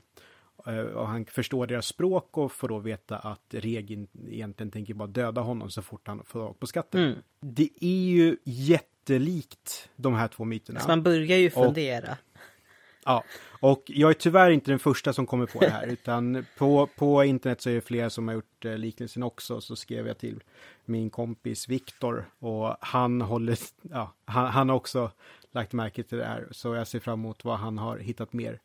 Och eh, det finns ju då germanska brakteater från folkvandringstiden. Då är det ju nordeuropeer som tycker att ah, romarna, de ger schyssta medaljer till krigare som betalning. Det vill vi också göra, så man börjar då mm. göra egna varianter på de här romerska eh, medaljerna. Och där brukar det vara någon typ av mansfigur som är på en häst eller brukar inte fåglar och så här tolkas man som Oden. Men minst en av de här brakteaterna, då är det en figur som faktiskt ser ut att suga på sin tumme. Tror att det dyker upp på flera. Det här släktskapet mellan det keltiska och germanska, att de ju faktiskt går in lite i varandra. Att teotonerna som är i Gallien, men de beskriver sig själva som de kommer från Germanien. Att det kan nog finnas ett utbyte i det mytologiska här. Mm. Eh, och eller så är det slump. Eh, alltså någonstans det tydligen finns flera myter runt om i världen då det händer grejer om man suger på tummen. Det kan vara slump. Ja. Eh, I någon annan myt då eh, ser eh, Finn, han, det är en elva som försöker ta sig, gömma sig i sitt hem om jag förstår rätt. Och då stoppar han in sitt finger i dörren för att förhindra att den stängs. Och sen när han tar bort fingret så stoppar han fingret i munnen och då får han kunskap av det också. Han börjar Okej. göra, skapa poesi. Ja. Så det kan ju finnas olika varianter på det här. Då. Och poesi är en sån viktig grej för Finn. Och i en annan historia då förklär han sig till poet. Och det är ju, han behöver inte in, egentligen inte förklä sig för han är poet. För det är en angripande grupp människor som har kommit till eh, där han bor. Men Finn tar sig dit med någon, eh, några andra från sin eh, krigargrupp som också är poeter. Och så sätter de sig där och börjar skapa poesi. Och ledaren av de här angriparna tycker att det är så oerhört fin poesi så att han säger att så länge jag lever kommer ingen av oss att skada er. Så ni är liksom, ni är säkra. Och då avslöjar Finn, haha, jag är från din eh, motståndarsida. Och då, i och med att den här andra snubben redan har lovat att han inte kan skada de här, så vet han också, ah, okej, ja, men då behöver vi inte ens försöka slåss med dem, för jag tänker inte bryta mitt löfte. Så då, med hjälp av en då, vad ska jag säga, tricksteraktig funktion, så lyckas Finn behålla freden där han är. Ja. Jag vet inte om Finn räknas som någon typ av, vad ska jag säga, landsfader för Irland eller förstå mig rätt, skyddshelgon, alltså någon sån beskyddargestalt. För hur han dör är också lite, det, det är nog inte det finns bäst beskrivet, men i en av versionerna kring hans död, då är han i en grotta, han är omgiven av sina krigare och där väntar de på att de kommer behövas och då kommer Finn komma tillbaka starkare än någonsin. Okej. Eller, eller lika stark som innan i alla fall. Mm. Och eh, så han är ju någon typ av skyddsande för Irland. Och jag tror att det här är någonting som också återfinns i eh, kung Arthur-myterna, att att kunna återkomma när landet behöver honom. Mm. Men Finns mytologi är inte bara då i den här, eh, vad ska jag säga, cykeln som är någon typ av mytologisk cykel, även fast inte den, inte den mytologiska cykeln. Eh, men för dem är från eh, 600-talet till eh, 1300-talet. Men sen så finns det lite senare grejer också. Och en historia som nog är ganska poppis nu för tiden, det har att göra med den här Giants Causeway, som är de här stenformationerna som finns på Irlands östkust blir det väl, nordöst. Det är massa klippor som ser ut som att någon har byggt med legobitar. Alltså det är jättekantiga stenar eh, som verkligen ser ut som trappsteg. Och då finns det en myt. Finn, han bor ju då där i Irland. Och sen på andra sidan vattnet i Skottland så bor en stor röd jätte. Och de skriker till varandra och de kastar stenar på varandra. Sen så av, eh, till slut så ropar den här röda skotska jätten att eh, han utmanar Finn på en duell. I den här myten att Finn presenteras som en jätte också, så de borde göra det här på lika villkor.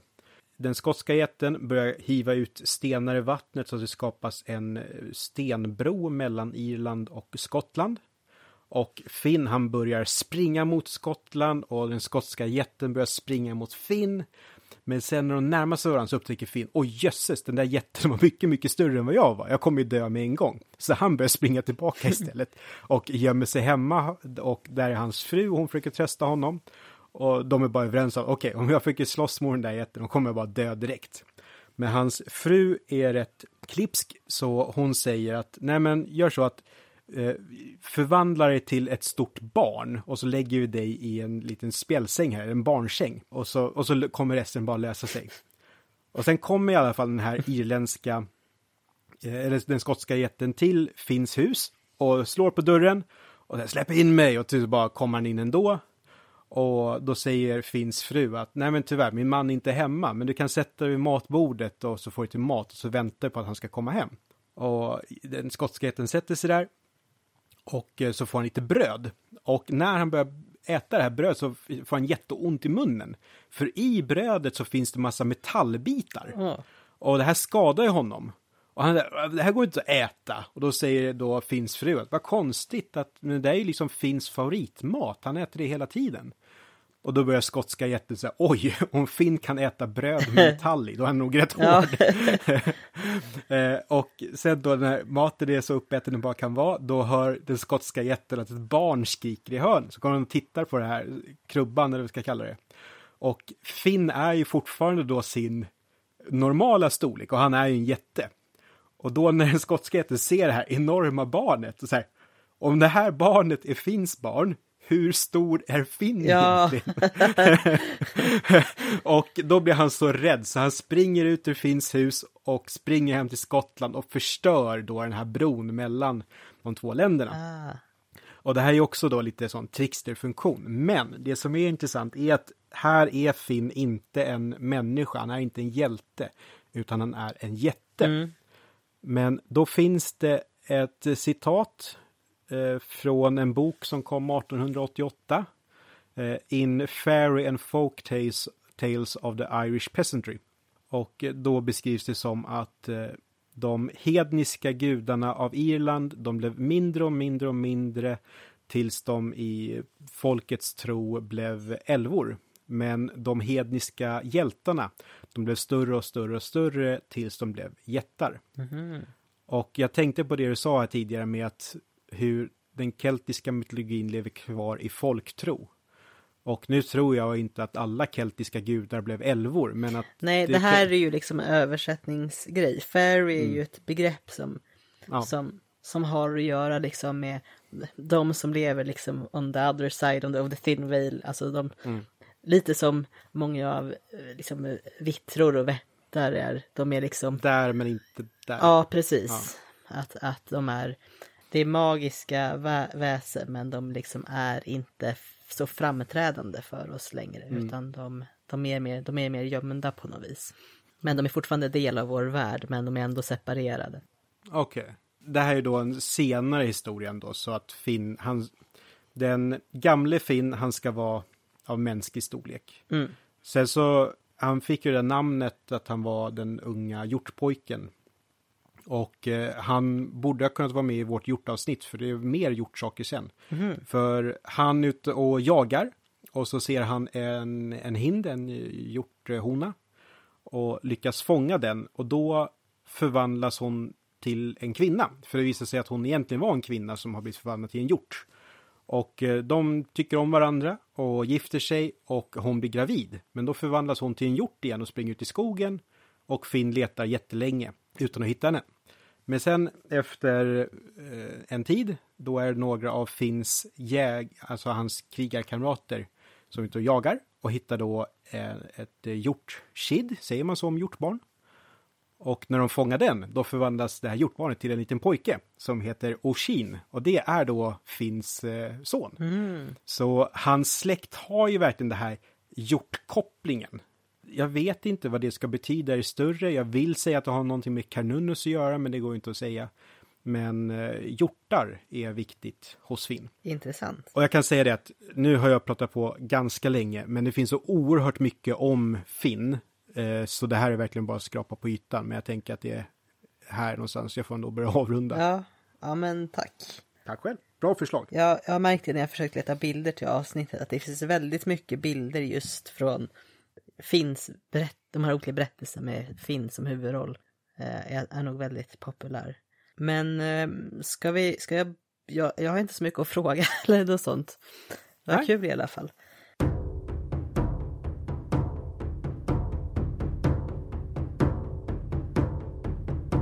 Och nu ska jag då prata om Lugg, eh, som jag utlovade innan och han är då en irländsk gud, eller kel keltisk, men där jag hämtat informationen, det jag har främst från kelt, äh, eh, irländskt område att göra då. Lugg kallas då för Lugg Ildanach och är gud över all konst och hantverk. alltså det har både liksom med kunskapen om hantverk och förmågan att utföra hantverk. Eh, och ibland ses han även som en solgud. Det fanns ju andra gudar också som stod för olika aspekter av konst och hantverk. Det fanns då särskilda spirituella och religiösa seder hos kelterna inom de olika skråna. Så att om man höll på med smide så var liksom eh, guden Gof Gofannon då, eller, eller Govnu viktig. Eller var det snickeri så var det Lukt, Luchtar som var, eller hur det uttalas, var viktig. Men Lugg då var, han hade, vad hade man ju så här övergripande, liksom allt sorts hantverk, allt smide, allt sånt. Men Luggs, om vi ska börja bara med namnet. När det var mer kontinentalt och på, Gallien så, så hette han då Lugus. Eh, eh, och de flesta, fast de flesta, och de flesta latinska inskriptionerna med just eh, Lugus namn då finns på den Iberiska halvön, alltså Spanien, Portugal. Och Lugg har då förmodligen växt fram ur denna tidigare version av gudom. Lugg Ildenach, just det här tillnamnet Ildanach betyder det the all craftsman, den skickliga gud, alltså den skickliga guden som har de här förmågorna då. Han kallas även för Lamfada, guden med, alltså den med den långa armen. Och det kan då antyda då till att, att han eh, har ett, slåss med ett spjut när han är i strid. Men det kan ha också, ibland, av vissa har det tolkats som att man har konstnärliga händer och att det då antyder på hans, eller anspeglar på hans eh, hantverksskicklighet. Sen kallas han också för Mac Ethlen eller Mac Sien och det då har att göra med hans föräldrar. Mac betyder ju son av. Ethlen som är då hans mor eller Sien, eller Sien som är hans far. Hans mor var en Fomorian, så inte en av Tuatha de Danan utan en av de här motståndargruppen. Men hans far var Dian Kekt, den här helaren och han var en av Tuatha De Danann, så en av de här mer vanliga gudarna. Han kallades också för eh, den unga krigaren, Maknea, den unga krigaren då, eller Lon Bemnech, den som, the fierce striker, den som slår starkt typ. Eh, eller Konmak, hundens son. Kon betyder ju hund alltså. Sen det finns lite andra keltiska variationer på guden med flera likheter. Eh, Britannien så är det då Lud La Arients. Eh, eller i Wales. Nu har jag försökt lä lära mig hur man uttalar saker eh, på walesiska. Och den är dubbel-L så ska det typ vara tle, tle så då blir det tle, tlau, gifs, någonting.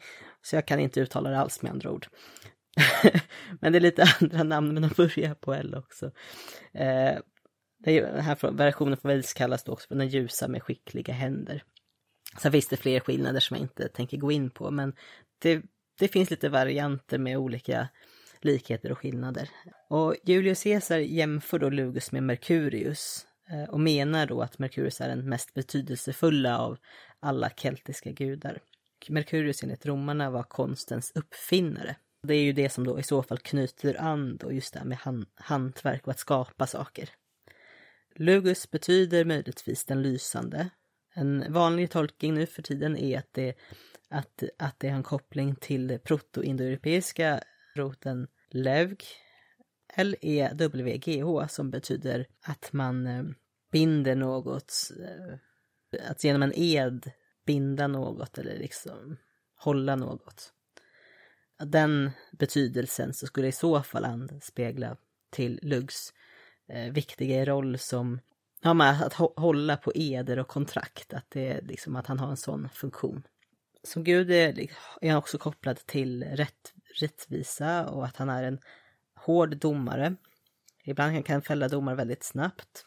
Eh, som jag sa, han eh, har en koppling till att man svär eder.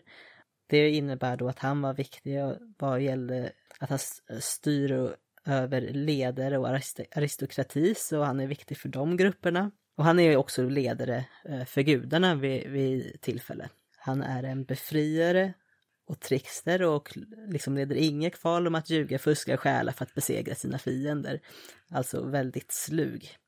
Men främst så är han då hyllad för sitt hantverkskunnande och eh, stridsförmåga. Så det är en väldigt välavrundad gud. Han har väldigt många egenskaper och förmågor. Eh, jag tänkte gå in lite på två sagatexter ur den mytologiska cykeln. De handlar om två strider i Connacht i Irland. Och jag kommer inte uppehålla mig så jättemycket vid den här första striden där gudagruppen Tuathade erövrar Irland. Eh, vid det tillfället så är det Noada som är kung över gudarna. Han förlorar sin arm vid den här striden. Och vid ett senare tillfälle så får han då silverhand av den guden som har liksom en helarfunktion. Så det är alltså Noada Silverhanden som är kung. Innan det här med första striden då, så har eh, Lugs föräldrar, de har ingått en förening. Och hans föräldrar som jag nämnt innan, den ena, hans far var en av gruppen Tuathade, alltså de här, jag vill inte säga goda gudarna, men det är de som är liksom på irländarnas sida på något sätt. Och sen de här förmågorna som är i strid med Tuathade. Så Lugs mamma, hon har en far som heter Balor. Han är Fumorinas ledare. Och han får veta att hans dotters barn kommer att döda honom. Så när hon till slut får barn så beordrar han att de ska dränkas. Och en av de här barnen är då Lugg, men han överlever. Och när Lugg är gammal nog så tar han sig till Tara, där kung Nada har en hall. Etiketten där kräver då att den som kommer till hovet ska erbjuda sin kunskap eller någon tjänst inom ett särskilt område.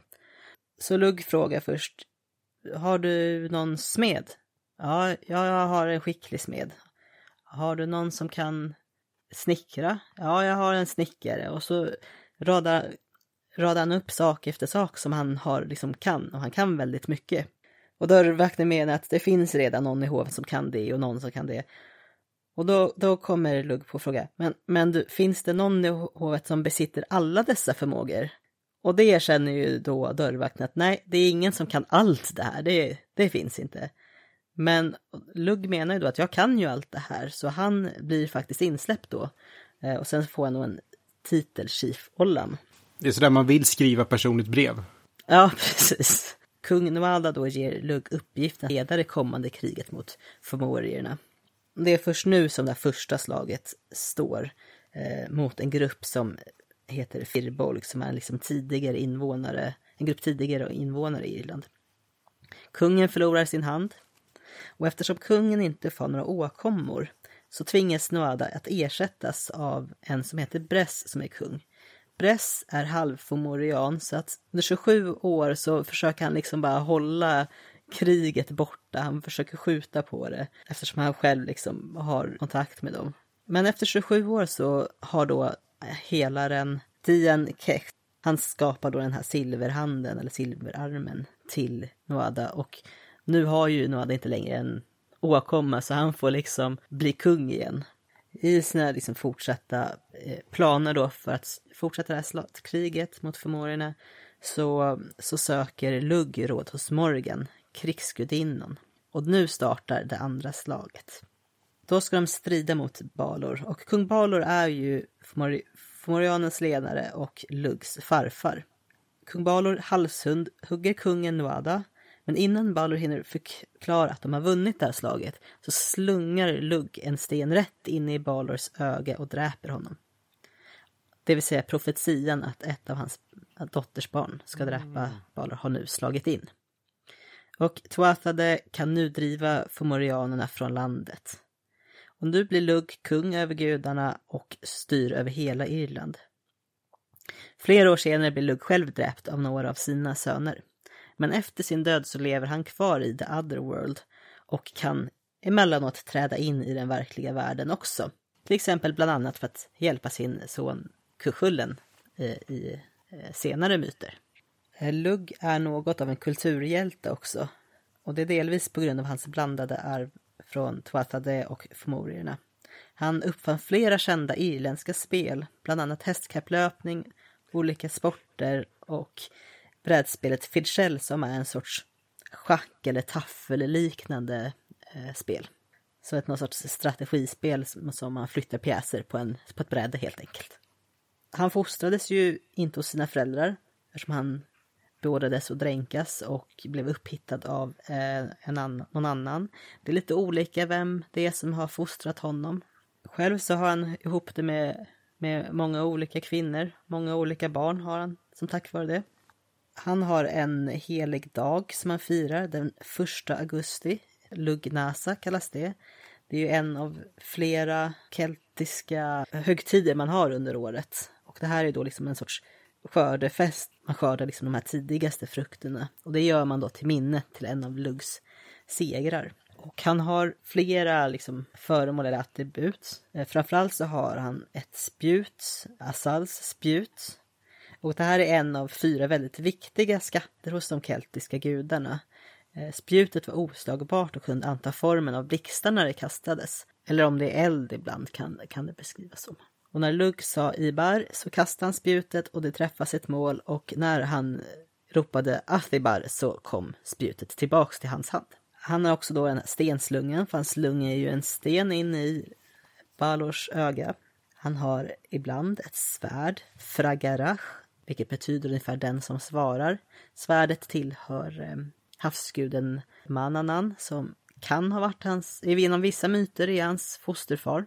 Han har även en snabb båt, flera hästar och sen har han en greyhound, eller gråhund då, som heter Failinis. Och det är en jakthund som alltid fångade sitt byte och kunde förvandla vatten till vin. Det är, så det är ju, jag har aldrig hört talas om hundar som förvandlar vatten till vin. Ja. Det brukar man ju associera med någon annan. Ja. Utseendemässigt så beskrivs han som väldigt lång och ljus och med ljust hår och ett strålande ansikte. Så det här är också då hans koppling till då att han då skulle kunna vara en solgud såklart. Det finns flera orter namngivna efter Lugg. Det som idag kallas för Carlisle, som ligger i England, kallades för, för Lugivalium. Det betyder ungefär stark som Lugus eller stark i Lugus, så det anspelar på honom. Och I Skottland så finns det då Ludon och sen så finns det regionen Lothian som också anspelar på det. Och i Frankrike så har vi ju då Laon, L-A-O-N, som tidigare kallas Lugdunum clavatum. Leon, och även Lyon anspelar då också på lugg. Lyon kallades ju på latin för lugdunum. När de gamla gudarna, keltiska gudarna hamnade under kristendomens skugga så fortsatte lugg ha viss betydelse. Men han tappade status som gud och blev eh, därefter kallad för lugg krumang, den lilla krökta lugg. Fortfarande med rollen som en magisk hantverkare av den andra världen. Och, och jag läste, apropå det du sa om att hjältarna växte och gudarna krympte. Någonstans läs, jag förstod inte riktigt hur den kopplingen gjorde det, men att när, när, när Lugd har blivit då en av de här mindre varelserna, att han då, att det kanske finns en då koppling mellan Lugg och Leprechauns. Mm -hmm. eh, alltså att han blir ju liksom en då mindre varelse som en del av eh, Fairy, som, som du var inne på. Coolt. Ja, alltså Lug är ett namn som har dykt upp ganska ofta för mig då jag snöat in på Kelter och dem. Men jag har aldrig riktigt satt mig in i honom. Så det var, det var på tiden. Mm. Eh, sen så kände jag väl att där med hur hans liv börjar. I alla myter vi har pratat om och någon säger din avkomma kommer att döda dig och så försöker personen döda eller se till ja. att det aldrig kommer. Har det någonsin funkat? Det verkar ju inte så. Eh, eller är det liksom att det bara är alltså de myter då kungarna helt enkelt dödade sina söner och döttrar i hopp om att slippa det. Att det kanske inte blev myter, för då är det bara, okej, okay, kungen dödade barn igen. Eh, ja. För det hände väl Zeus minst en gång och det är väl, oh, vad heter han, kung Minos? Eh, ja, någon... ja, det har dykt upp några gånger i alla fall. Ja, Nej, jag tycker det verkar vara en jobbig spådom att ha. Ja, verkligen. Ja, det är kul när en sån, eh, vad ska jag säga, konstnärlig gud har så stor betydelse. Mm. Men det verkar som att just Lugg är ju en av de här gudarna som, myterna nu har ju med Irland att göra. Men språkligt har man ju, ser man ju att det här är ju någon som varit väldigt viktig över väldigt stort område. Mm. Så det är ju verkligen, hade kanske haft mer hantverksroll i vissa, på vissa platser, kanske varit mer solgud på vissa och mer, alltså det är lite lite eh, variation där såklart. Jag visste inte så mycket om lugg innan, nu vet jag nästan mer mm. än vad jag mm. trodde att det fanns att hitta. Ja, det är en lyx med vissa mytologier. Ja, verkligen. verkligen. Jag hade liksom bara skrev och skrev, sen bara, men det här avsnittet kommer ju bli jättelångt. Ja. Så jag fick bara, nej nu räcker det. Det finns mer. Det är skönt med vissa andra gudar som den jag ska prata om sen. Ja, eller som vi ska prata om nu kanske rent av. ja, lite trummor på det.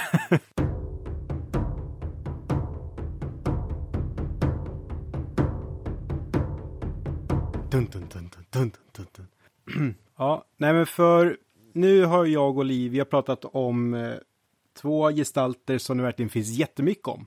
Nu ska jag prata om en som det inte alls går att komma åt på samma sätt, men det är ändå en spännande, en spännande gudom. Och det här är också en gudom som många kan ha, ha läst om, men kanske inte riktigt tänkt på att det skulle vara från en riktig mytologi. För de som kan sin Asterix, de kommer känna igen eh, stridsropet vid Toitates. Eh, För det är det Asterix och hans tappargaller skriker när de, ja, när de ska tjo och kimma inför strid, höll jag på att säga. Och Toitates... Skriker de inte också det typ när de blir överraskade? Typ Ja, istället för ja. herregud så säger de inte också då vita Ja, men så är det ju också. Ja, Ja. ja. nej men bra. Toitates är alltså ett gudanamn som finns nedskrivet av framförallt romare. Men jag kommer komma till några inskriptioner som nog är av kelter själva, eller galler framförallt.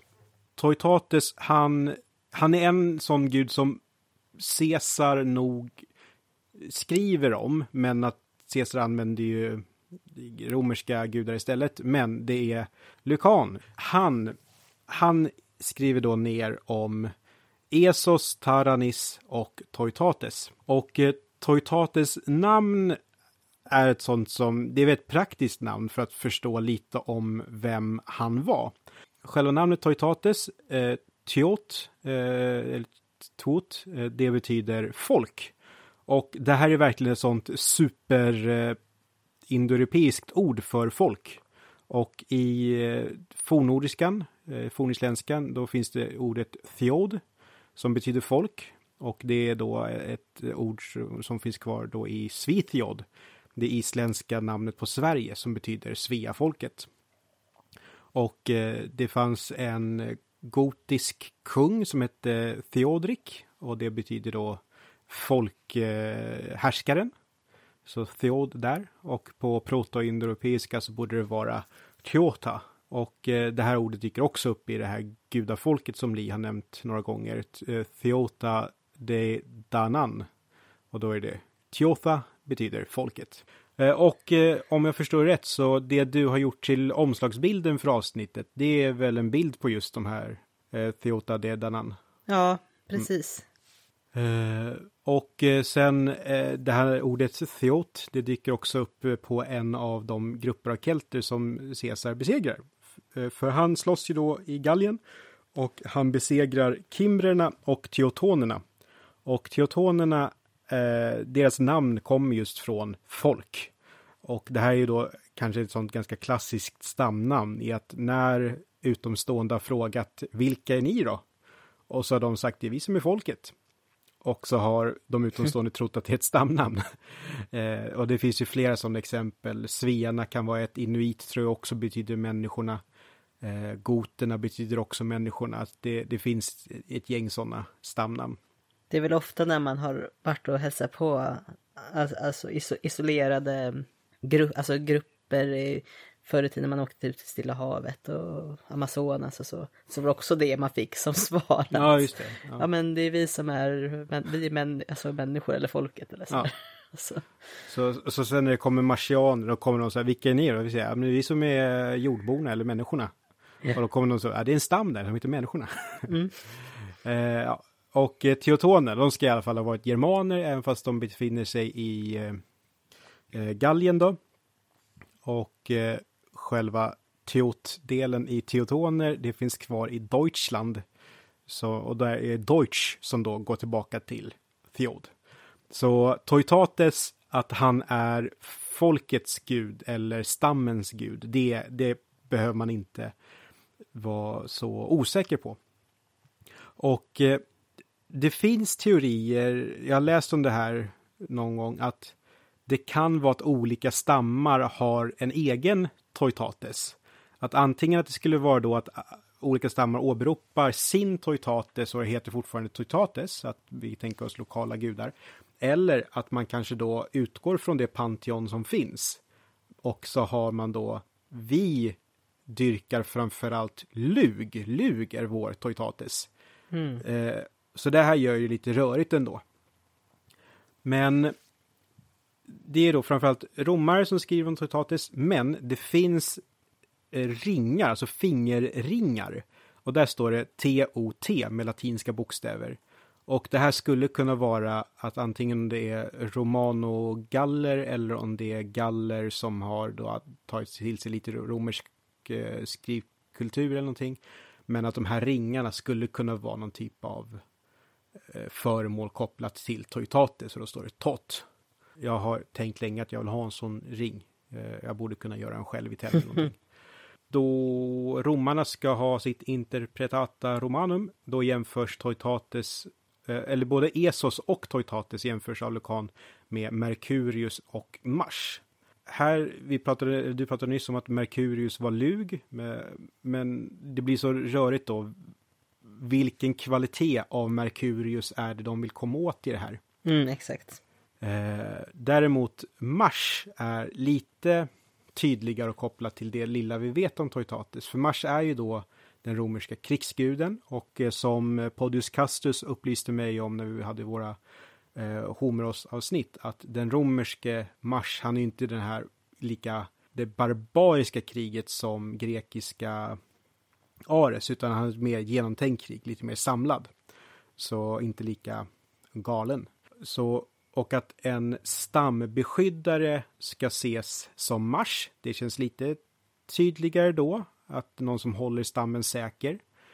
Eh, men sen så har jag då en av mina böcker, det är den här som jag pratade om framförallt i säsong 1 har jag för mig, men Comparative Mythology av eh, Jan Povel. Som då, det handlar om indoeuropeiska myter och de hänger ihop. Men där tar han upp att det finns ju lokala varianter även i den romerska mytologin och religionen. Och på landsbygden, där har tydligen Mars mer rollen av att vara en fruktbarhetsgud. Det här får Podius Castus rätta mig om jag har fel, eller någon annan för den delen. Men om eh, Toitates är lite mer då, det har lite med krig och försvar att göra, men också fruktbarhet och får plötsligt en ganska Eh, matig gud. Men den här matiga guden är intressant när jag då vill göra lite spaningar till det norröna.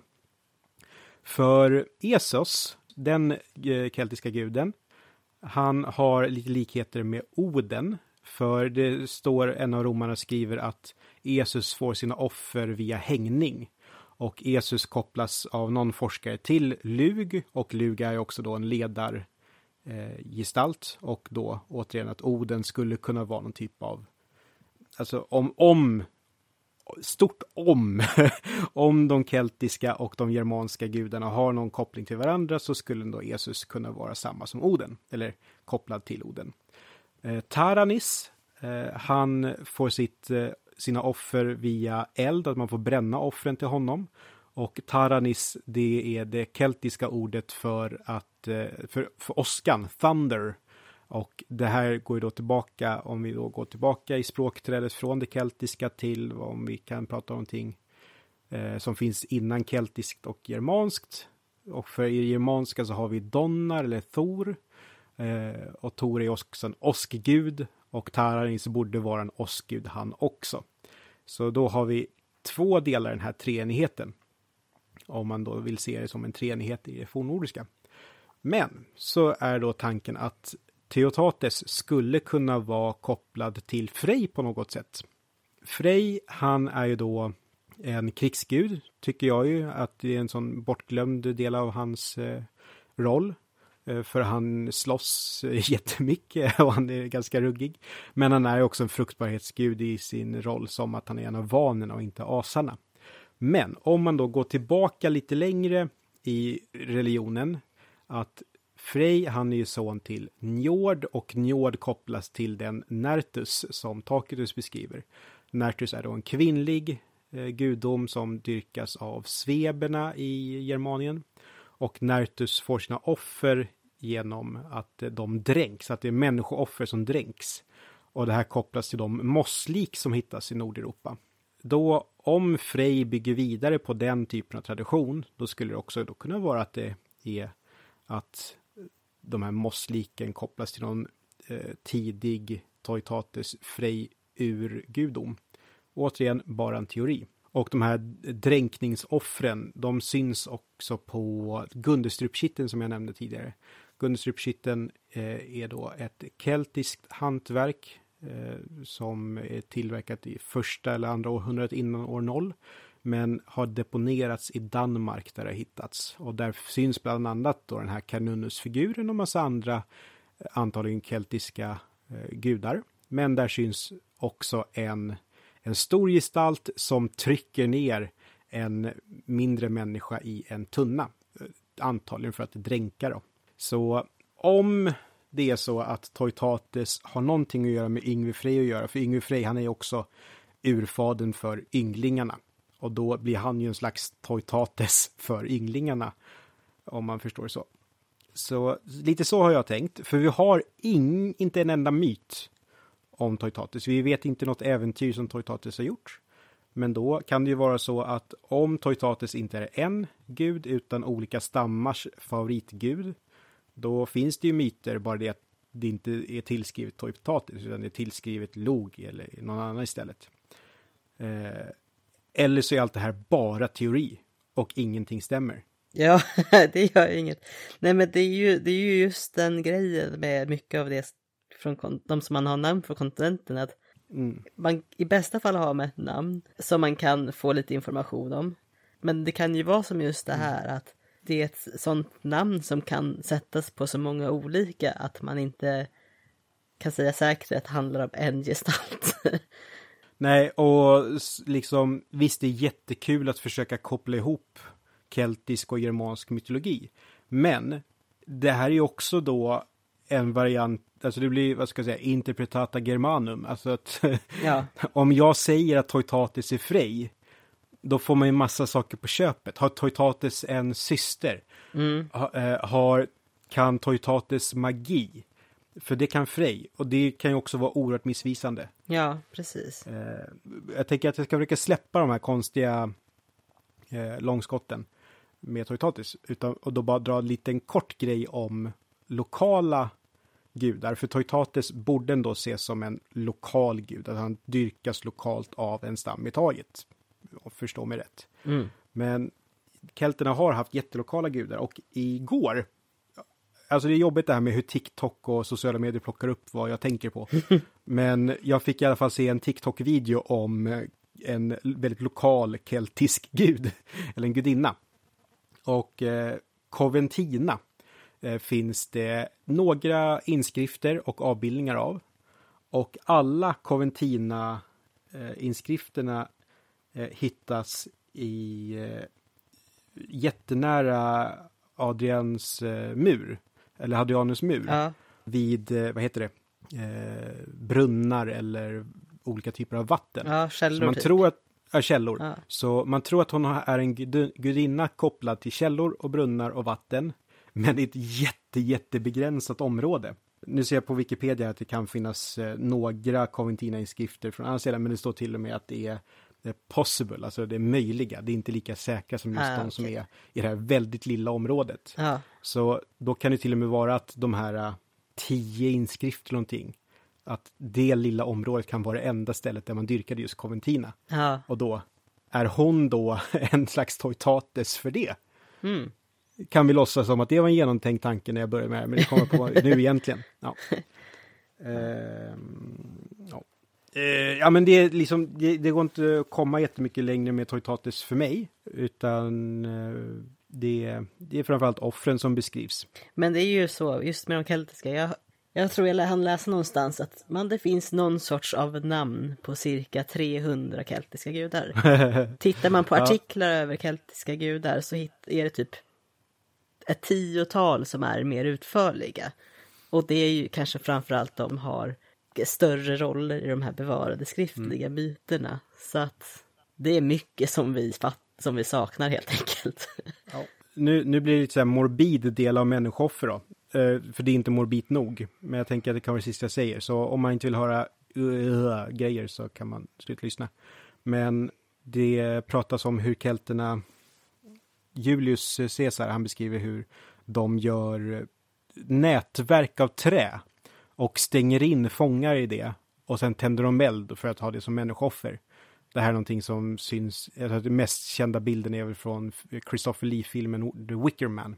Som en skräckfilm från 70-talet som jag inte har vågat se. Men jag tror att det finns också någonstans att de här dränkningsoffren, att man gör burar av trä, alltså flätar samman och stoppar in en människa i det och sen hivar man i det i vattnet. Då kan man ju liksom inte simma, så då bara sjunker de. Mm -hmm. och, och, det ska Toitatis få då. Okej. Okay. Det... det... Jag har aldrig hört talas om den sortens... Nej, det låter... Ett off offringsteknik. Oerhört obehagligt. Ja, verkligen. Att, att, att man liksom, då vet man ju vad som väntas, ja. väntar en när man sätts i den. Ja, och panik. Ja, ja, ja. Tänk så mycket ni vill på det, men jag tänker att det får vara så vi lämnar Toitates.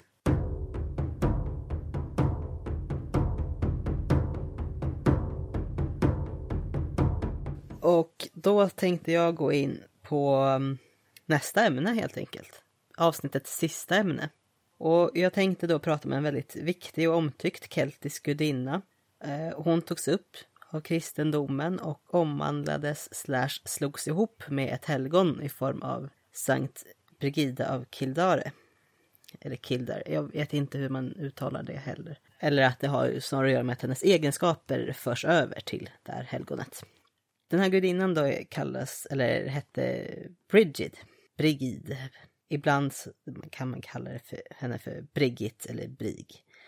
Eh, det keltiska liksom, ordet Briganti som betyder upphöjd är ju då själva grunden i namnet och det finns ofta i orts, olika orts och stamnamn. Och det svenska namnet eh, Birgitta kommer då från den latiniserade formen Brigit. Och det engelska ordet bride har också sitt ursprung från Brigid. Mm.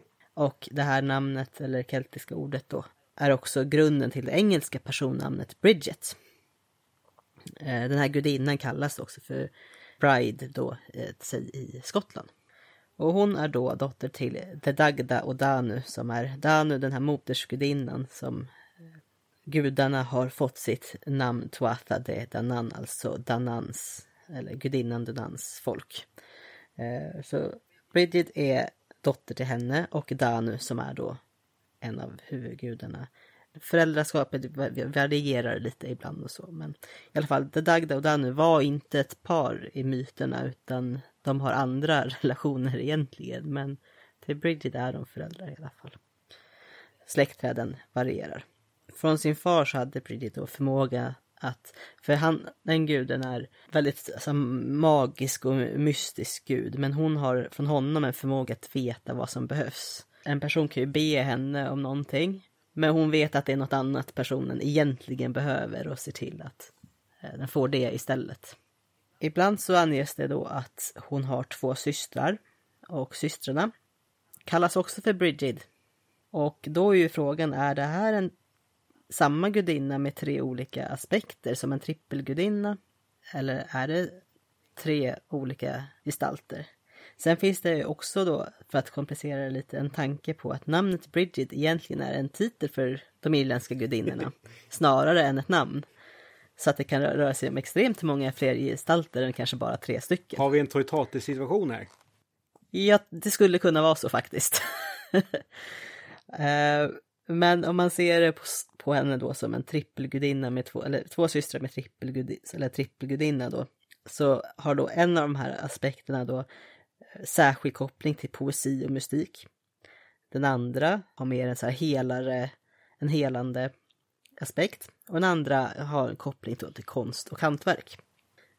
Men ibland tänker man att allt det här är liksom inom samma gudinna. Och då har ju då den här gudinnan också attribut, viktiga attribut i form av fruktbarhet, eller att ingjuta fasa hos fientliga arméer. Och vi pratar visdom, poesi, läkande, att den är en skyddande gud, vi pratar smide och hantverk. Eh, och något jag inte nämnt innan då, domesticerade djur. Och hon kopplas även till våren och sommaren. Och därigenom då också livet i stort och har då en modersgudinne-gestalt. Utöver det så har Bridget också koppling till solen och ljus och eld. Och i motsats till de grejerna så har också koppling till vatten och källor som vi varit inne på. Eh, så det finns ju många saker som kanske kan vara lite motsatser. Så det är en väldigt lärd gudinna som har väldigt mycket olika attribut och förmågor. Så, så lite mer att det kan vara många olika gudinnor som har liksom samlats under ett begrepp tycker jag låter rimligt. Eh, men ofta behandlas det här ändå som en gestalt. Det är många liksom hantverkare och arkitekter och konstnärer som använder Bridget som källa till sin inspiration. Bridget har två oxar, Fea och Femen. Eh, hon har även Torktria som är då vildsvinens konung. Alltså det är ju inte en kungatitel men den främsta av vildsvin eller vad man ska mm. säga. Eh, och sen även den främste av vädurer eller får eller bagge, men vä ja, vädur som heter Kirb. Hon uppges då ha uppfunnit något som kallas för kining. Och det är en sorts sätt att sjunga sorgesånger för de döda. Och det uppstod då när hennes son Ruadan dog vid striden vid Maktuirad. Och det är ju den här stri alltså striden som jag tog upp med, eh, som Lugg var inblandad i. Och det var också då första gången som liksom på något sätt sorg kom till världen, när hon kände sorg över sin sons död. Och detta ger henne också då en koppling till döden såklart, för att det, det räckte inte med allt det andra. Möjligtvis då finns det då en koppling till den romersk-keltiska gudinnan Brigantia. Eh, som möjligen också då är en stamgudinna för den nordengelska gruppen kelter som kallas Brigantes. Och man har hittat en romersk staty av henne då med inskriptionen Brigantia. Hon är avbildad eh, väldigt likt gudinnan Minerva eh, med flera. Det finns andra attribut som liknar andra romerska gudar. Och det är ju då ett exempel på hur man kan blanda, alltså hur de blandar keltiskt och romerskt. Att här har man liksom kanske mer i grunden keltisk gudinna fast i en romersk uttrycksform rent hur man har gjort statyn. För att romarna hade en tendens att avbilda sina gudar väldigt mänskligt medan kelterna inte gjorde det. När helgonet då, Sankt Brigid, hade en eh, helgonkult som med koppling då till eh, fruktbarhet. Och första februari, där firar man Sankt Bridget's Day. Så det är hennes liksom helgondag. Och helgonet hade som uppgift att skydda eh, olika eh, djurjordar och boskap, hemmets härd och var även beskyddare vid barnafödsel. Och eh, helgonet ansågs vara Kristus fostermor. Helgonet Sankt Bridget och den förkristna gudinnan associeras med heliga källor och en av de eh, kändaste platserna i Irland är just då Bridgets Well i Kildare. Naturligtvis så är ju hon ju då skyddshelgon över poesi, smid, medicin, konst, hantverk, boskap, heliga källor och den tidiga vårens ankomst. Så det är ju liksom väldigt mycket där som är plockat från den här förkristna eh, keltiska gudinnan Brigid. Helgonet är också beskyddare över ormar i Skottland. Deras gemensamma symbol då är något som kallas för Bridgids Cross, ett kors gjort av säv eller gräs som man då hänger ovanför dörren till hemmet. Och jag tänkte då prata lite om keltiska årstider. Jag sa ju att första februari var Sankt Bridget's Day. Men innan det så var det något man firade som hette Imbolc. Och det är starten på det irländska året. Jag tror att det är man vi, på något sätt att vintern börjar ta slut och att det liksom vänder till och börjar bli varmare. Och då ofta, brukar man ofta ta med mat eller mynt just till viktiga vattenvägar eller källor. Och då var ju särskilt platser som var döpta efter Bridget som var eh, populära att offra i då. Och man offrade säkert och frågade efter att bli läkt eller för att få skydd eller inspiration till hantverk och konst. Sen första maj så har vi nästa stora festival och det är Beltane och det är starten på sommaren. Första augusti, Lugnasa, som jag pratat om innan, som har en koppling då till lugg. Skördefestivalen, man liksom börjar skörda de här tidigaste frukterna och sakerna då. Och sen nästa stora är ju då Samhain, första november. Har vi pratat om Samhain innan? Uh, nej, men nu är jag långt Ja. Nej, tror jag. Uh, men... Det är ju den kändaste. Precis, liksom, eh, det, keltisk eller häx-halloween. Ja, precis, det är där, i de krokarna. Och det, ja men vi pratade nog lite om det när, i vårt årstidsavsnitt, eh, när jag pratade om den här vintergudinnan Kailech Bera. För det var just att Kailash är ju då den här gamla haggan eller tanten då som regerar över vintern. Och sen på sommaren då är det då gudinnan Brigid eller Bride som styr på sommarhalvåret. Och just det, då, nu kommer saker tillbaka här. Eh, att, att ibland så har man ju då tolkat som att, att året är, är hur Bridget är ung och sen blir äldre och blir Kailiak. Att det är liksom Kailiak är den gamla versionen av gudinnan. Så att det är tanken att oh, alltså det är en, samma gudinna fast aspekterna ändras med årstiderna. Men ibland ser man det som olika gudinnor helt enkelt. Så att det, just det är, har, har ju då årstidskopplingen med koppling till vår och sommar är ju då, har ju att göra med Bridgets koppling till, till, till, till livet och eh, fruktbarheten liksom att det är ju sommaren som gör att det växer och så vidare.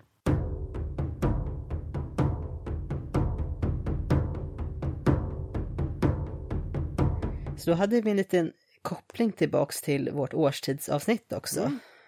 Vi, har, vi har haft koppling bak till många avsnitt, hjortavsnitt och eh, lite hantverksmedsavsnitt som vi varit inne på också. Ja, men, eh, vi var inne på det i något annat avsnitt. Och, hjält, och hjältar. Ja, men jag tycker att det är lite, nu, nu är det lite klubben för inbördes beundran här, kära lyssnare. Men jag tycker om det här att vi gjort så många avsnitt så att vi faktiskt kan göra sånt. Ja, Det är alltså jobbigt säsong ett och allting vi sa fick vi förklara för, från grunden. precis. Det gjorde vi bra. Och det blev som jag trodde ett ganska långt avsnitt det här. Mm. Lite, cirka två timmar. Ja, fast jag tror att våra vänner på Oknytt kallar det här för ett så här lite kortare avsnitt. Ja, det här är ett miniavsnitt. Ja. Det var ju någon som skrev det i deras Facebookgrupp där såg jag att så här, när en vanlig podd släpper ett avsnitt som är längre än en timme, åh nej vilket långt avsnitt. När Oknytt släpper någonting som är kortare än tre timmar, åh nej vilket kort avsnitt. Just det. ja. ja, men det här tyckte jag var ett jättekul avsnitt. Ja, men det här Jag var toppen. önskar jag hade kunnat hinna lägga lite mer research-tid, men även om jag hade gjort det så hade det inte fått plats. Så. Nej, det var känns som att eh, vi får återkomma till kelterna, eller det kommer vi göra, utan f- hur mycket kan vi säga? Eh, Ja, vi kommer att... Nästa avsnitt kommer ju ha viss, viss keltisk... Det är en fortsättning på det keltiska, mm. kan vi säga. Jag har nog redan råkat spoila lite tidigare, men ni som inte hängde med på vad, vad jag råkade säga får bli överraskade. Och jag, vad, vad, vad sa du för någonting? ja, ja, Ja. men eh, ja, eh, jag vet ju ändå vad det är eh, för en gångs skull. Men ja, jag ska få lyssna om på det här avsnittet för att se vad var du sa för någonting egentligen. Ja, Ja, nej, men det, det blir riktigt eh, roligt att sätta sig in i det. ja, Sen så, jag kom på det för ett tag så att vi håller ju på är så hemliga med vad avsnitt ska handla om, även så här innan vi presenterar ämnet i början av avsnittet. Men för våra lyssnare så står det ju vad avsnittet handlar om. ja, Eh, precis. men det kanske är lite kul ändå att göra så här inför nästa avsnitt i och för sig. Men ja, Ja, ja. men när vi väl har börjat spela in avsnittet håller på, då kan man ju lika gärna Ja. vara ärlig direkt. ja. Som vanligt så vet ni vart ni lyssnar på oss eftersom ni redan hör vad jag säger.